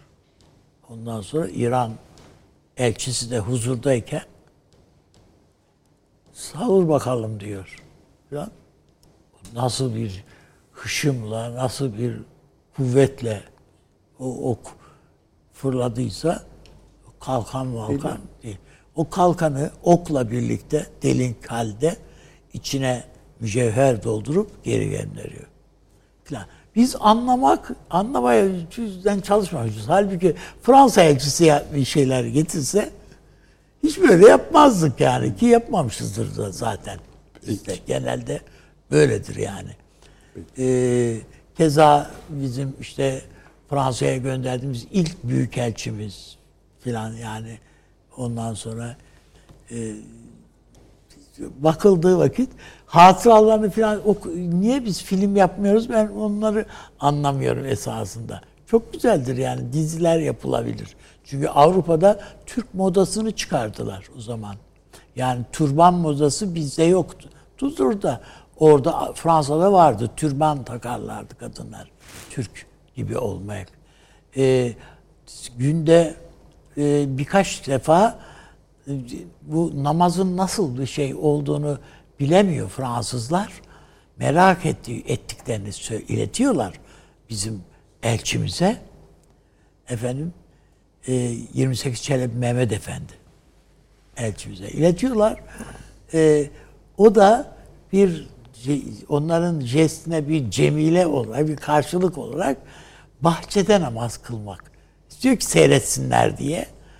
Günde bir iki sefer namaz vakti de e, şeyle er, erkanıyla birlikte çıkıyor bahçede e, namaz kılıyor filan. Padişahla yani Fransa imparatoruyla filan e, böyle şeylerini bir görseniz yani okusanız böyle yerlere yatarsınız. Yani biz onları anlamaya çok çaba sarf etmişiz. Ama hiç Anlayalım da ama Hint Müslümanlarından yani Hint Türk Hindistan coğrafyasındaki Türk varlığından yani hiç unutmuşuz gitmiş yani. Peki. Babür. Aa şimdi bakıyoruz. Şimdi öğreniyoruz. Hindistan'da bir Osmanlı varlığının olduğunu şimdi öğreniyoruz. Yani var orada bir Osmanlı varlığı var. Oysa- Kendisini Osmanlı sayıyorlar ve Osmanlı olarak yaşıyorlar orada. Yani bu, bir- ama bunların hiçbirisinde bizim bir irtibatımız yok. Bir nerede ne olmuş, ne bitmiş falan. Maşallah. Haberim çok. Peki. Tabii. Pakistan'da da var aynı şekilde. Evet, Peki, teşekkür ediyorum. Böyle gidelim mi zikzak sizde? Hay hay, tabii, tabii. Taşansı Hocam, İran buyurunuz. Bu konuyu bekliyordunuz. Ya şöyle hani biraz önce e, konuşmayı bitirirken dedim ya İran uzmanımız yok, şiir üstünden gidiyoruz vesaire. Çok önemsiyorum bunu ben. Şimdi Avni Bey Üstad da söyledi hani e, yani şunu bir defa akıllarda tutmak gerekiyor. İran Türk'ün, Türk İran'ın bir şekilde e, o ne denir baltanın sapı denir ya. Yani o ağacı kesen e, baltanın sapı da ağaçtandır diye ikisi birbiri için öyledir. Ee, Biraz önce söyledim, tekrar etmekte fayda görürüm. Yani e, modern Türklüğün harmanlandığı yerdir İran. Bakın biz e, Türkler hem İslam'la hem maliye teşkilatıyla hem merkezi devlet teşkilatıyla İran'da karşılaştık. Yani hem e, bir yerleşik modern Akdeniz devleti, modern demeyeyim premodern Akdeniz devleti ama aynı zamanda İslam'la karşılaşma İran'dadır. Bu, bu, bu inanılır bir şey değil ve yaratılan şey zaten çok büyük, ortada görkemli adı Büyük Selçuklu Devleti. Ama bu sadece hani idari gelenek anlamında değil, bizim kültürel kodlarımızda. Yani e, mesela bir İranlı size ya siz aslında Farsça da konuşuyorsunuz da farkında değilsiniz derse şaşırmayın. Çok fazla Farsça kelime almışızdır biz dilimize. Ee, Daha önemlisi belki kelimelerden ziyade biz e, İslam akaidini bir şekilde İran'dan öğrendik. Bakın bizim İslami terminolojimiz bile Farsçadır, Arapça değildir. Dolayısıyla böyle bir e, harmanlanma hali orada birincisi bu, bunu anmak lazım. İkincisi bizim şiirimiz e, Nedim'e kadar hatta belki daha sonra da devam etti ama İran şiirinin devamıdır. Yani biz Farsça yazdık, onların bazısı da Türkçe yazdı biliyorsunuz. Hani biraz önce andı Avni Bey Üstad. Ee, Mevlana şey der, e, ger Farisi güyem, aslem Türkest. Her ne kadar Farsça konuşuyor olsam da özüm Türktür, aslım Türktür der Farsça yazar. Yani şimdi bu başka bir şeydir şiir orada. Ee, mesela işte Zebihullah Safa'nın bir 8 ciltlik e, İran edebiyat tarihi vardır. Gerçekten işte onu görürsünüz orada. İran ne demek, edebiyat ne demek. Ee, müthiş bir eser olduğunu söylemek isterim. Ee, mesela hatta sefirimiz bizim biliyorsunuz e, çok da e, muzip bir sefirdi kendisi. E, 19. yüzyılın başında e, bizim İran'a gönderdiğimiz sefir biliyorsunuz o da bir edebiyatçı. Sümbülüzade Vehbi Efendi'dir. Yani e, edebiyat tarihimizde epey e, gülümseyerek hatırlanır biliyorsunuz Sümbülzade Vehbi. İnanılmaz muzip e, ama İranlılarla baş edebilme kapasitesi herhalde o muziplikten mütevellit olsa gerek ki e, onun gönderilmesine karar verilmiş. E, ancak tabii sanat, edebiyat deyince biliyorsunuz mübalağa e, edebi sanatların en güzelidir, en keskinidir. İranlılar da bu konuda çok iyiler. Ee, Bizim ilk romancılarımızdan Recaizade Mahmut Ekrem'in oğlu e, biliyorsunuz. Ercüment Ekrem Talun'un çok güzel bir kitabıdır o. Meşedi'nin hikayeleri. Yani o İran mübalağasını çok güzel anlatır Meşedi fıkraları. Ee, Onlara bir e, bakmakta fayda var diye düşünüyorum. Şimdi e, bu şeyde e, aklıma geldi şimdi. Hatta öyle komik şeyler de söylerler ki mesela şey der. Ee, bizde öyle müezzinler var ki İsfahan'da okur ezanı, Teb e, İsfahan'da okur Tebriz dinler ezanı. Öyle zenginler var ki kaymon taşır cüzdanı. Yani böyle mübalağa hoştur İran'da. Ee, abartırlar bazen ama e, işte ona Tebrizliler de cevap verir. İranlılar şey der işte İsfahan nifsi cihanest derler. İsfahan dünyanın yarısıdır. Tebriz Türk'ü de cevap verir. Eğer Tebriz ne başet. Eğer Tebriz olmayaydı. Falan böyle bir atışma da vardır hani o Türk Fars içinde e, İran'da ama son dönemde hani e, şunu hatırlamak lazım. Bin yıldan bir Türk hanedanları tarafından yönetilmiş İran'da 1920'den itibaren yani Kaçarların iktidardan düşüşünden itibaren bir yükselen Fars milliyetçiliği var. E, o Fars milliyetçiliği e, bir tatsızlaştırdı işin açıkçası. Yani e, günden güne kuvvetlendi. E, mesela bu şimdi bizim e, Cumhurbaşkanımızın orada okuduğu şiir Aras şiiri biliyorsunuz bu Bahtiyar Vahapzade'nin çok güzel bir şiiridir. Aras Nehri'nin Azerbaycan'ı nasıl ikiye böldüğünü anlatır. E, ama e, o Aras şiiri Bahtiyar Vahapzade'nin olsa da İran'da mesela komünistler çok önemser o şiiri. İranlı komünistlerin önemli bir kısmı da çünkü İran Türk'ü. E, Aras'ta ölenlerden bir tanesi de e, herkes hatırlayacaktır herhalde Samet Behrengi'dir. E, Samet Behrengi biliyorsunuz Küçük Karabalığın yazarı, önemli bir İranlı komünist yazardır.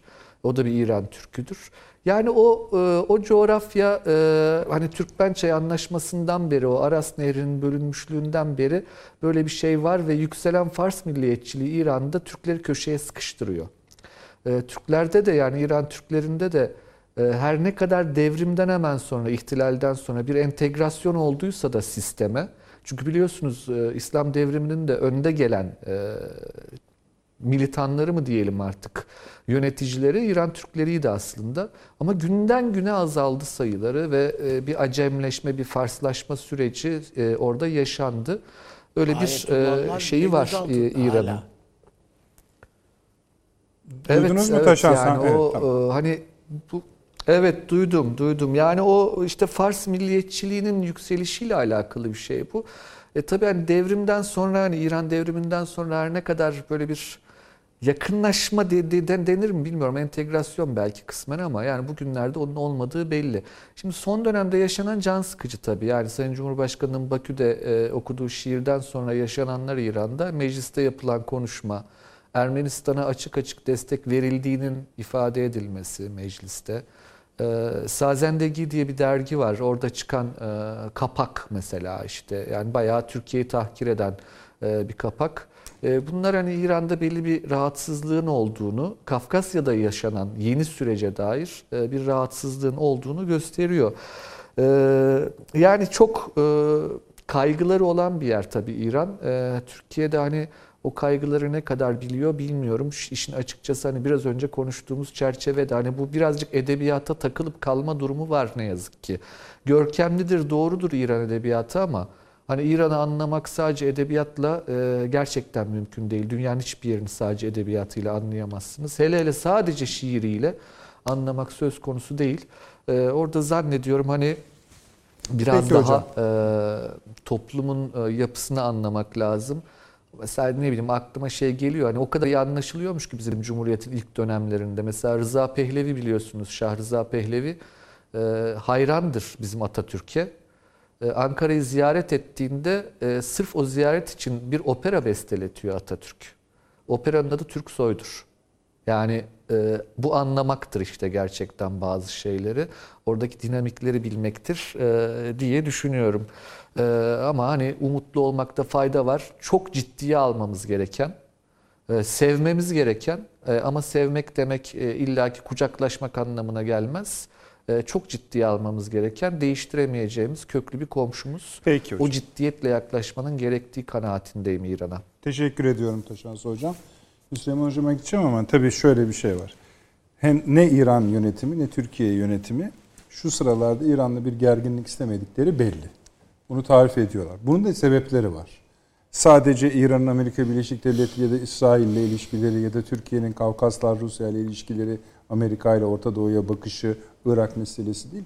Bunların toplamından kaynaklanan bir cem edilmişlik var. Bunların hepsini bir değerlendirmek gerekiyor. Size daha çok e, sorumluluğun o kısmını yıkacağım. Ama o, onun için dinlenebilmeniz için de son bir reklamlara gidelim izin verirseniz. Kısa efendim hemen dönüyoruz.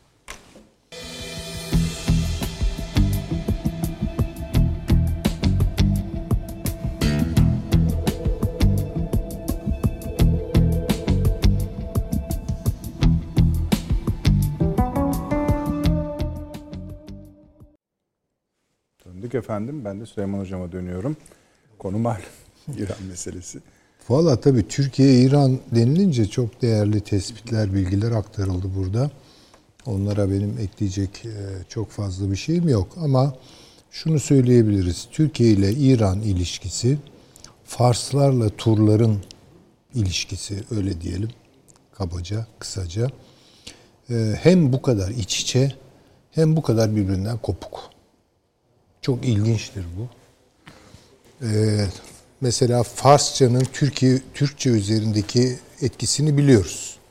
Yani o kadar çok kelime şaşırtıcı derecede ya bu da mı Farsçaymış filan diye sordurtur ki biraz böyle Farsça çalışan Türkler için. Yani ne bileyim işte hafta diyoruz. Her hafta diyoruz. İkisi de Farsça. Her de Farsça, haftada Farsça. Namaz Günleri sayıyoruz. hocam. İşte e, Salih, Carı Şembe, Pendü Şembe bunlar hep dönüşmüş. Yani kendi dilimize uydurmuşuz. Pencere Farsçadır, köşe Farsçadır. Yani akıl almaz derecede çok e, Farsça kelime var. Ben bir miktar ilgilendim Farsçayla. Ee, Benim Farsça hocamın e, kulakları çınlasın. Çok da sevdiğim bir insandır. İyi bir Farsologtur. Ee, Bir tespitini duyduğum zaman çok şaşırmıştım. Ee, Farsça'da Türkçedeki Farsça kelimelerden daha fazla Türkçe kelime var. Özellikle kafla başlayan bütün e, kelimeler Türkçedir. Daha mühimi Farsça işte Indo-Avrupa bir dil olarak tescil edilmiştir ama grameri Türkçenin grameridir. Yani öznenin yeri, fiilin yeri hiç diğer Hindi-Avrupa'yı dillere benzemez. Yani bu hakikaten inanılmaz böyle atkılı, örgülü bir, bir süreç. Türkler Taşan Hoca'nın dediği gibi işte bir step macerasını derken işte yerleşik kültürler, devletler, şehirler, yapılar, din yani falan bütün bunları İran transformasyonu üzerinden elde ediyor. Ama garip başka bir şey oluyor. Orada asimile olmuyor Türkler. Türkler İran'ı yönetmeye başlıyorlar. Böyle de bir tuhaflığı var. Ee, İran coğrafyasındaki Türk unsurların bir kısmı Anadolu'ya geçiyor, bir kısmı orada kalıyor. Yani bugünkü sınırlar içerisinde öyle diyelim. Ee, dolayısıyla böyle yani ilişkiler inanılmaz derecede e, iç içe geçmiş. Fakat bir noktadan sonra işte edebiyatta şurada burada bir noktadan sonra bir kopuş var, bir yabancılaşma var. Yani işin tuhafı işte Safevi Osmanlı evet. Savaşı iki Türk e, kökenli devletin savaşına dönüşüyor. Ama daha sonra o Erdebililik Erdebililik olarak kalmıyor. İşte oradan evet. Caferilik türetiliyor. İran'ın resmi diyor. Yani Fars kimliğini Türk e, unsura karşı artık kovulamayacak, kapı dışarı edilemeyecek oranın yerlisi olmuş olan Türk e, unsura karşı e, bir şey olarak kullanıyorlar. Bir tür ne diyelim ona alet olarak kullanıyorlar. İki devletin arasındaki savaşlar bitmiyor. Osmanlı'nın daima bir doğu meselesi var. Roma'nın da vardır. Roma Sasani savaşları bitmek tükenmek bilmez ve iki tarafa da yaramaz. Osmanlı-İran savaşları da bitmek tükenmek bilmiyordu. iki tarafa da yaramıyordu. Ama sonuçta şu çıktı ortaya. işte Kasr-ı Şirin ve mevcut işte Türkiye-İran sınırı. Ee, bunun tabi tartışmaları yapılabilir ama e, bir sınır koyma iradesi orada karşılıklı olarak ve e, o sınıra bugüne kadar halel gelmemesi çok ilginçtir. Dünyanın en eski sınırlarından bir tanesidir Her o. iki tarafta özenle sakınmış. Sakınmıştır Aynen. bu işten. Fakat bugün e, yaşanan gelişmeleri biraz bunu bunu riskli hale getirebilecek kıvamda görüyorum ben. Hmm. Bir kere o milletvekilini konuşmak, yani Sayın Cumhurbaşkanı o şiiri İranlılara nazire olsun diye okumadı. Yani onları kızgırma, kızdırmak veya evet, kışkırtmak evet, için evet. okumadı. Ama bu İran'dan bir ses getirdi. O konuşmalara baktığım zaman ben o meclisteki konuşmalara baktığım zaman hakikaten e, işte İran'ın e, Türkiye siyaseti devamlı böyle mütebessim ve dostane gözüküyor ama gerçek bakışını gördüm orada. Onun için onların muhafaza edilmesi lazım. Yani müthiş derecede Türkiye'yi suçlayan, Türkiye'ye böyle hınç dolu, öfke dolu bir e, konuşum orada patlak verdi. Bir söylem patlak verdi. E, edebi miydi o konuşmalar? Bence hiç edebi değildi. Yani e, çok e, bence her şeyi açık eden sertlikteydi. Ve gerçek bakışı gösterdi. E, Türkiye'yi kıskanırlar. Çünkü onların da daima bir batıya gitme meselesi vardır. Bir türlü bunda başarılı olamamışlardır. Yani Pers savaşlarını da istedikleri sonuca götüremediler. İşte ne bileyim Roma Sasani savaşları olmadı. Osmanlı İran savaşları olmadı. E ne oldu yani sonuçta İran İran olmaklıyla kaldı. Habire, habire Osmanlı ha. şehzadelerini kaçırıp kaçırıp Evet, evet. Yani bir kurdukları tezgahlar e, Türkiye'yi anlamakta, Türklerin yaşadığı özellikle bu Roma topraklarında, buraların Türkleştirilmesi sırasında Balkanlara Türklerin sıçraması, oradan elde ettikleri yeni tecrübeler Bunlar İran'ın çok anlayacağı şeyler değil. Hocam bizde tanzimat var, İran'da da tanzimat var. Yani işte modernleşme tarihimiz var. Aynı yani Türkiye'yi Evet, takip evet. ediyor. Yani biraz böyle e, Türkiye'ye dair hem bir merak hem bir bilgisizlik bilmiyorlar Türkiye'yi bir de. Anca dizilerden filan işte bugünlerde öğreniyorlar. Hani biz bilmiyoruz da İran'ı. İranlılar Türkiye'yi biliyor mu? Hayır, bilmiyor. E, dolayısıyla onların da Türkiye'yi Türkleri Çalışması- çalışması Hatta gerekiyor. Bizim de çalışmamız gerekiyor. Bu 40 milyonluk e, Türk e, kütleyi bugüne kadar işte Şiilik bayrağı altında, Caferilik bayrağı altında topladılar. Ama bu Türkiye ile e, İran arasındaki bir ne diyelim e, ölçeğe oturuyordu. Ama şimdi bunu yukarıdan aşağı kesen başka bir şey çıktı. Azerbaycan Türk'ü olmak. İşte orada çok büyük bir risk gördü İran. İşte onun için sinir düğümüne dokunuldu. Dokunuldu. Tabii. Dokunuldu. Yani şunu mesele etmiyordu İran. Ya bu kadar Türk var burada, Türk kökenli. Yarın bunlar Türkiye ile birlikte hareket edip bana karşı bir sorun olurlar mı? Yok. Yani bundan çok endişe etmiş olduklarını zannetmiyorum. O manada bir Türkçülüğün orada karşılığı yok. Ama Azerbaycan Türklüğü denildiği zaman kuzeyi ve güneyi arasındaki eee, ne diyelim eee, bu kavramın çağrışımları ve eee, eee, ne diyelim eee, harekete geçireceği duygular çok başka. Kesinlikle Ha, hocam. ve de bunun arkasında bir de Türkiye çıkınca yani İran hakikaten Tayyip Bey'in sarsıldı. şiir okuduğu konuşma Türkiye'de bir yankılandıysa Orada tabii çok daha Tebriz'de, Tebriz'de 5 on yan. Tabii. yan- yankılandı yani. Tabii. Yani şimdi dolayısıyla orada İran eyvah yani hiç beklemediği bir şey ya da bugüne kadar belki bekliyorlardı belli açılardan ama bugüne kadar uyuşturduğu bir mesele o artık yavaş yavaş bu Azerbaycan Türklüğü meselesinde Evet. İran'ın elinde de bir sorun haline geldi. Yani, İran- onların da artık bir Türk sorunu var. Yani Türkiye ikide bir söylenir Evet, ya evet, sizin doğru. Kürt sorununuz var.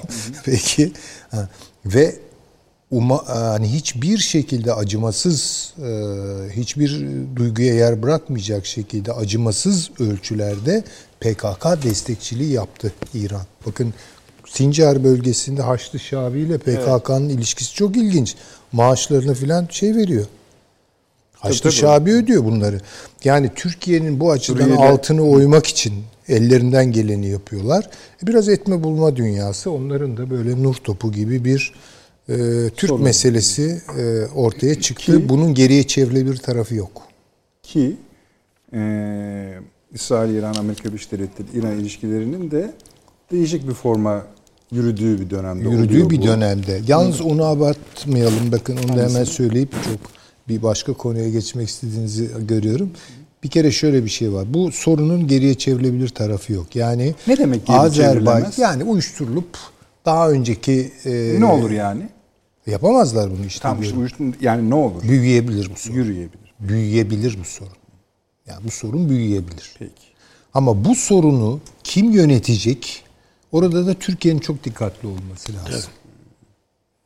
İşte burada eğer Amerika'nın tuzağı Ee, işte o düşerse zaman o tabii kötü olur. hele hele İsrail'in. Onun Evet. için ben başından beri bu işi beğenmediğimi, Azerbaycan-İsrail ilişkilerini biraz sorunlu gördüğümü söylüyorum zaten. Ee, bugün İran çok zor durumda. İran'ı da anlayalım. Rusya onu terk etti. Büyük ölçüde Suriye'de şurada burada yalnız bırakıyor. Yavaş yavaş elini ayağını çekiyor. Ee, işte Körfez'den yediği baskı şu bu. Şimdi Biden geliyor diye İran rahatlayacak diye bir şey yok.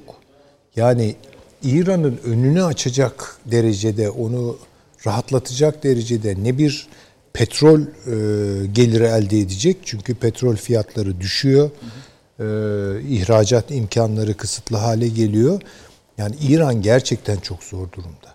Çok ağır da bir baskı yiyor. Önemli bir konu. Burada Türkiye ile daha dürüst ilişkiler geliştirmeyi öğrenirse İran bundan istifadeli çıkar. Ama bu işi Türkiye düşmanlığına filan taşırsa e, kendi e, kaybı artacaktır kanaatindeyim. Teşekkür Hocam ediyorum. e, sadece yani şimdi sahip döktükleri Tayyip Erdoğan'ın e, nükleer anlaşmanın ilk hazırlık çalışmalarında nasıl İran'dan yana Tabii tavır canım. koyduğunu, Birleşmiş Milletler'de nasıl tabii, tabii. e, İran lehine e, karar çıkması için çalıştığını ve bunu başardığını herhalde görmelisi lazım. Evet, Ha, Ama sonradan İran e, Türkiye'yi bir tarafa bıraktı, Fransa'ya yattı. O ayrı mesele. Evet. Peki. Yani ben elimden geleni yapıyorum valla başka konuları konuşayım diye. Evet. Siz de elinizden geleni yapıyorsunuz ki konuşma diye. o anlaşılıyor öyle. John Le Carre konuş. Konuşacağız ama zamanımız bir e, Taşansı Hocam bu herhalde İsrail konusunda bir şeyler söylemek istiyor benim anladığım kadarıyla. Yani İran üzerinden mi söyleyeceksiniz Taşansı Hocam bilemedim. Ee, tabii tabii Nedret Bey Buyurun. şöyle şimdi e, İran deyince e, yani İran'a baktığınız zaman Orta Doğu politikasının mutlaka bir madalyonun diğer tarafı olarak İsrail'de bakmakta fayda var. E, yani orada da çok ilginç gelişmeler oluyor biliyorsunuz. Netanyahu'nun başı epeyce bir belada. E, Mart Nisan gibi seçimler var. E, büyük ihtimalle kazanamayacak. Haziran'da Cumhurbaşkanı seçimleri var. Cumhurbaşkanı olma derdinde. Bugün Mossad Başkanı'nı değiştirdi. Haziranda olması gerekirken. İsmini söyleyeyim mi size? Gideon Sağar, Likud'u nasıl? İsmini söyleyeyim mi size? Yeni Mossad. D diye okudum ben sadece. Sadece D zaten. İngilizlerde sadece M diye çağırıyorlar. Evet. Buyurunuz. E, evet yani işte e, başkan yardımcısıymış, başkan olmuş. E, bu erken bir atama. Onun da sebebi şu, Yossi Cohen'i büyük ihtimalle kendi yerine oturtmayı düşünüyor. Çünkü ya Ron Derner DC'deki e, büyükelçileri ya da Yossi Cohen benim yerime gelebilir diyordu ama çok zor bir oyunun içinde orada çok ilginç bir şeyler oluyor. Yani ona iyi bakmak lazım. Gideon Sağar'ın aldığı son karar yani Likud'u bölme kararı gerçekten çok ciddi bir karar. E ama bu arada Netanyahu ne yapıyor diyecek olursanız e, ilginç bir şey o. Eden Benzaken diye bir e, pop sanatçısı var. Onunla düet yapıyor. Onu yayınlıyor. E, o sırada Congo Files çıktı. E, Dan Gertler diye bir iş adamının valizler içerisinde İsrailli yetkililere ne kadar para taşıdığına dair İsrail mahkemeleri soruşturma başlattı şu an. Yani bütün bu gelişmeler hani ha bir de şey var tabii. E, Tzipi Livni'yi hatırlayacaktır sayın Tabii seyirciler. tabii canım unutulmaz. Ee, o da e, İsrail Belediye Tel Aviv Belediye Başkanı Ron Huda ile beraber yeni bir merkez sağ parti kuruyor. Yani inanılmaz hareketli zaten bir tane kurmamış İsrail mıydı? siyaseti var. Karıştı İsrail canım. Bayağı O karıştı kurmuştu, yani. kapatmıştı. Şimdi yeniden kuruyor. Ee, Bak çok bir de bizim derece laf söylersiniz Avni Bakın çok tam bir Akdeniz toplumudur orası gerçekten. Hani o Akdeniz toplumuna has e, bol neşeli, bol koalisyonlu, e, bol küçük partili bir e, siyasi yapı var İsrail'de ama e, çok iyi takip edilmesi lazım. Yani çünkü hem Biden yönetiminde İsrail'in yeni yönelimi hem de İsrail iç siyasetindeki bu gelişmeler çok önemli. Yani bizim e, Biraz önce İran için konuştuk ya uzmanımız yok, uzmanımız yok diye bakın İsrail için de böyle bir metodolojik sorunumuz var. Bizim İsrail'e dair uzman diye bildiklerimizin pek çoğu aslında Filistin sorununun uzmanı. İşte Filistin sorununun uzmanı olunca da İsrail uzmanı olamıyorsunuz. Çünkü o bir geriye ket vurma yaratır. Mesela bizim çok değerli Türkologlarımız vardır. Yani İdil Türklerini, Tatarları çalışırlar. Çok değerlilerdir. Onları çalışırken Rusya'da öğrenirler. Ama İdil Türklerini çalışmaya başlayan adam Rusya uzmanı olamaz hiçbir zaman. Çünkü o bir sınır koyacaktır. Taşansı Onu o hocam. şekilde değerlendirmek lazım. Yani o İdil Türk'ü uzmanı. E, bizde de Filistin uzmanları var ama İsrail birazcık e, araştırılmaya, tanıt, e, tanınmaya muhtaç gibi görünüyor Türkiye açısından. Nasıl İran için söylediysek aynı şekilde diye e, söylemek isterim. Şansı hocam yani sözünüzü ke- keseyim diye söylemedim de mesela 19 şöyle atalım kafamızdan. Estağfurullah. 1990-2010 yılı yani bütün dönemleri de kapsayarak söylüyorum. Ee, Türkiye'den İsrail'e giderek İsrail akademiyalarında, üniversitelerinde okuyan ben şimdi bir kalemde en az 10 isim sayarım. Siz en az 20 isim sayarsınız. Böyle gider bu. Diğer ülkelerde böyle bir imkan bulmuş değiliz. Ee, buna rağmen mi İsrail'i az biliyoruz? E, buna buna buna rağmen az biliyoruz. Buna rağmen az biliyoruz Nedret Bey. Çünkü o e, yani belli psikolojik sınırlar var anladığım kadarıyla İsrail'i anlama konusunda. Onlar bir türlü aşılamadı ve sayı e, sayı az. Öyle ya da böyle az. Peki. Ee, bir de e, bu şöyle, bütün devletler bunu yapar bakın. Size gelen akademisyeni e, kendi ülkesini çalıştırırsınız. Yani bizim İsrail'e yolladığımız e, akademisyen adaylarının pek çoğu orada gidip Osmanlı tarihi çalışıp geri geldi. E, Bu, bu ciddi bir sıkıntıdır. E, Amerika'ya doktorant yollarız mesela biz. Orada Osmanlı tarihi çalışırlar. Çok lazımmış gibi, arşivler oradaymış gibi. E, velhasılı kelam yani bu hem İr- İran için hem İsrail için. Bir saniye anlamak hocam, için. bir Çünkü saniye. bize Hocam, çok çok çok, doğru. lazım yeni uzmanlar. Bir saniye Taşan. İsrail için özellikle çok doğru. İsrail toplumunu tanımadan geliyorlar. Yani Yahudiliği de bilmiyorlar. Öyle. Yani. Yahudiliğin nasıl din olduğunu. Da ne- yani ritüellerini, şununu, bununu hiçbirini. Onun için İsrail dedi, hocamın dediği doğru. İsrail'i tanımak diye bir amaçla gitmedikleri için tanımadan da geliyorlar zaten. Peki. Taşans hocam tamamladınız zannediyorum. Valla tek bir cümle söyleyeyim. Buyurun. Son son bir cümle söyleyeyim e, Avni Bey Üstad'ın söylediğinin üzerine. E, bu menorah vardır yedi kollu Şam'dan İsrail Devleti'nin de amblemi. E, bir de Hanukiye vardır. Hanuka bayramında yakılan dokuz kollu Şam'dan.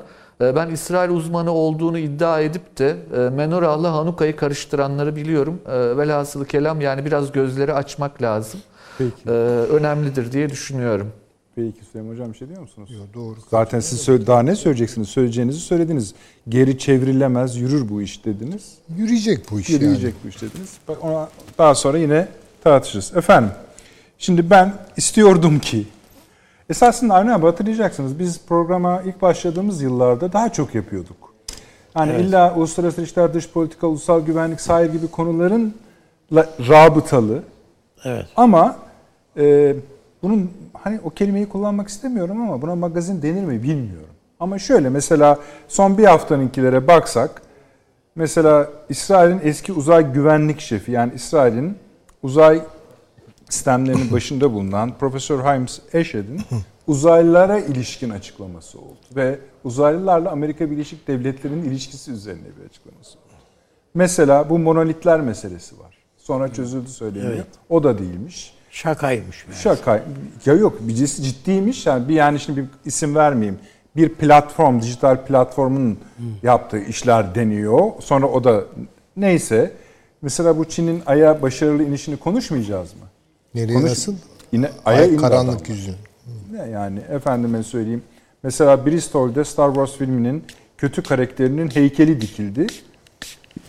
Ve bu dikildiği yerinde hangi heykelin yıkılıp dikildiğinin de bir anlamı var. Veya İngiltere Kraliçesi 2. Elizabeth çok ünlü bir Rus iş adamına Sibirya baronu unvanı verdi. Bunlar böyle gider Avni abi.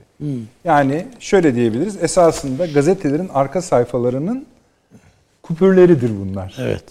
Ara sıra bunlara da e, Yer vermek lazım. ama Onun için mesela bu akşam John Le Carre hakkında da biraz konuşmak istiyordum. Çünkü esasında onun üzerinden konuşacağımız şey Avrupa Soğuk Savaşı'nın istihbarat dünyası aslında neydi? Nasıl bir miras bıraktı ve 90'dan sonra da kesilmedi. Yani duvar yıkıldı ama bu öyküler anlatılmaya devam etti. O kadar derinlikli bir şeydi. Gel gelelim. Hiç öyle bakmayın bana. Suçunuzun üzerinize atıyorum. Yok estağfurullah. tamam. Ee, ama bunlara biraz daha yer ayırırız belki ilerleyen dönemlerde efendim. Avni abi çok teşekkür ediyorum. Ben de- hocam. Sağ olunuz. Taşans hocam Sağ eksik olmayınız, var olunuz. Efendim sizlere de en çok teşekkür ediyoruz. Kaçta arkadaşlar gecenin tekrar tekrar soracağız. İki mi? Tamam. İki.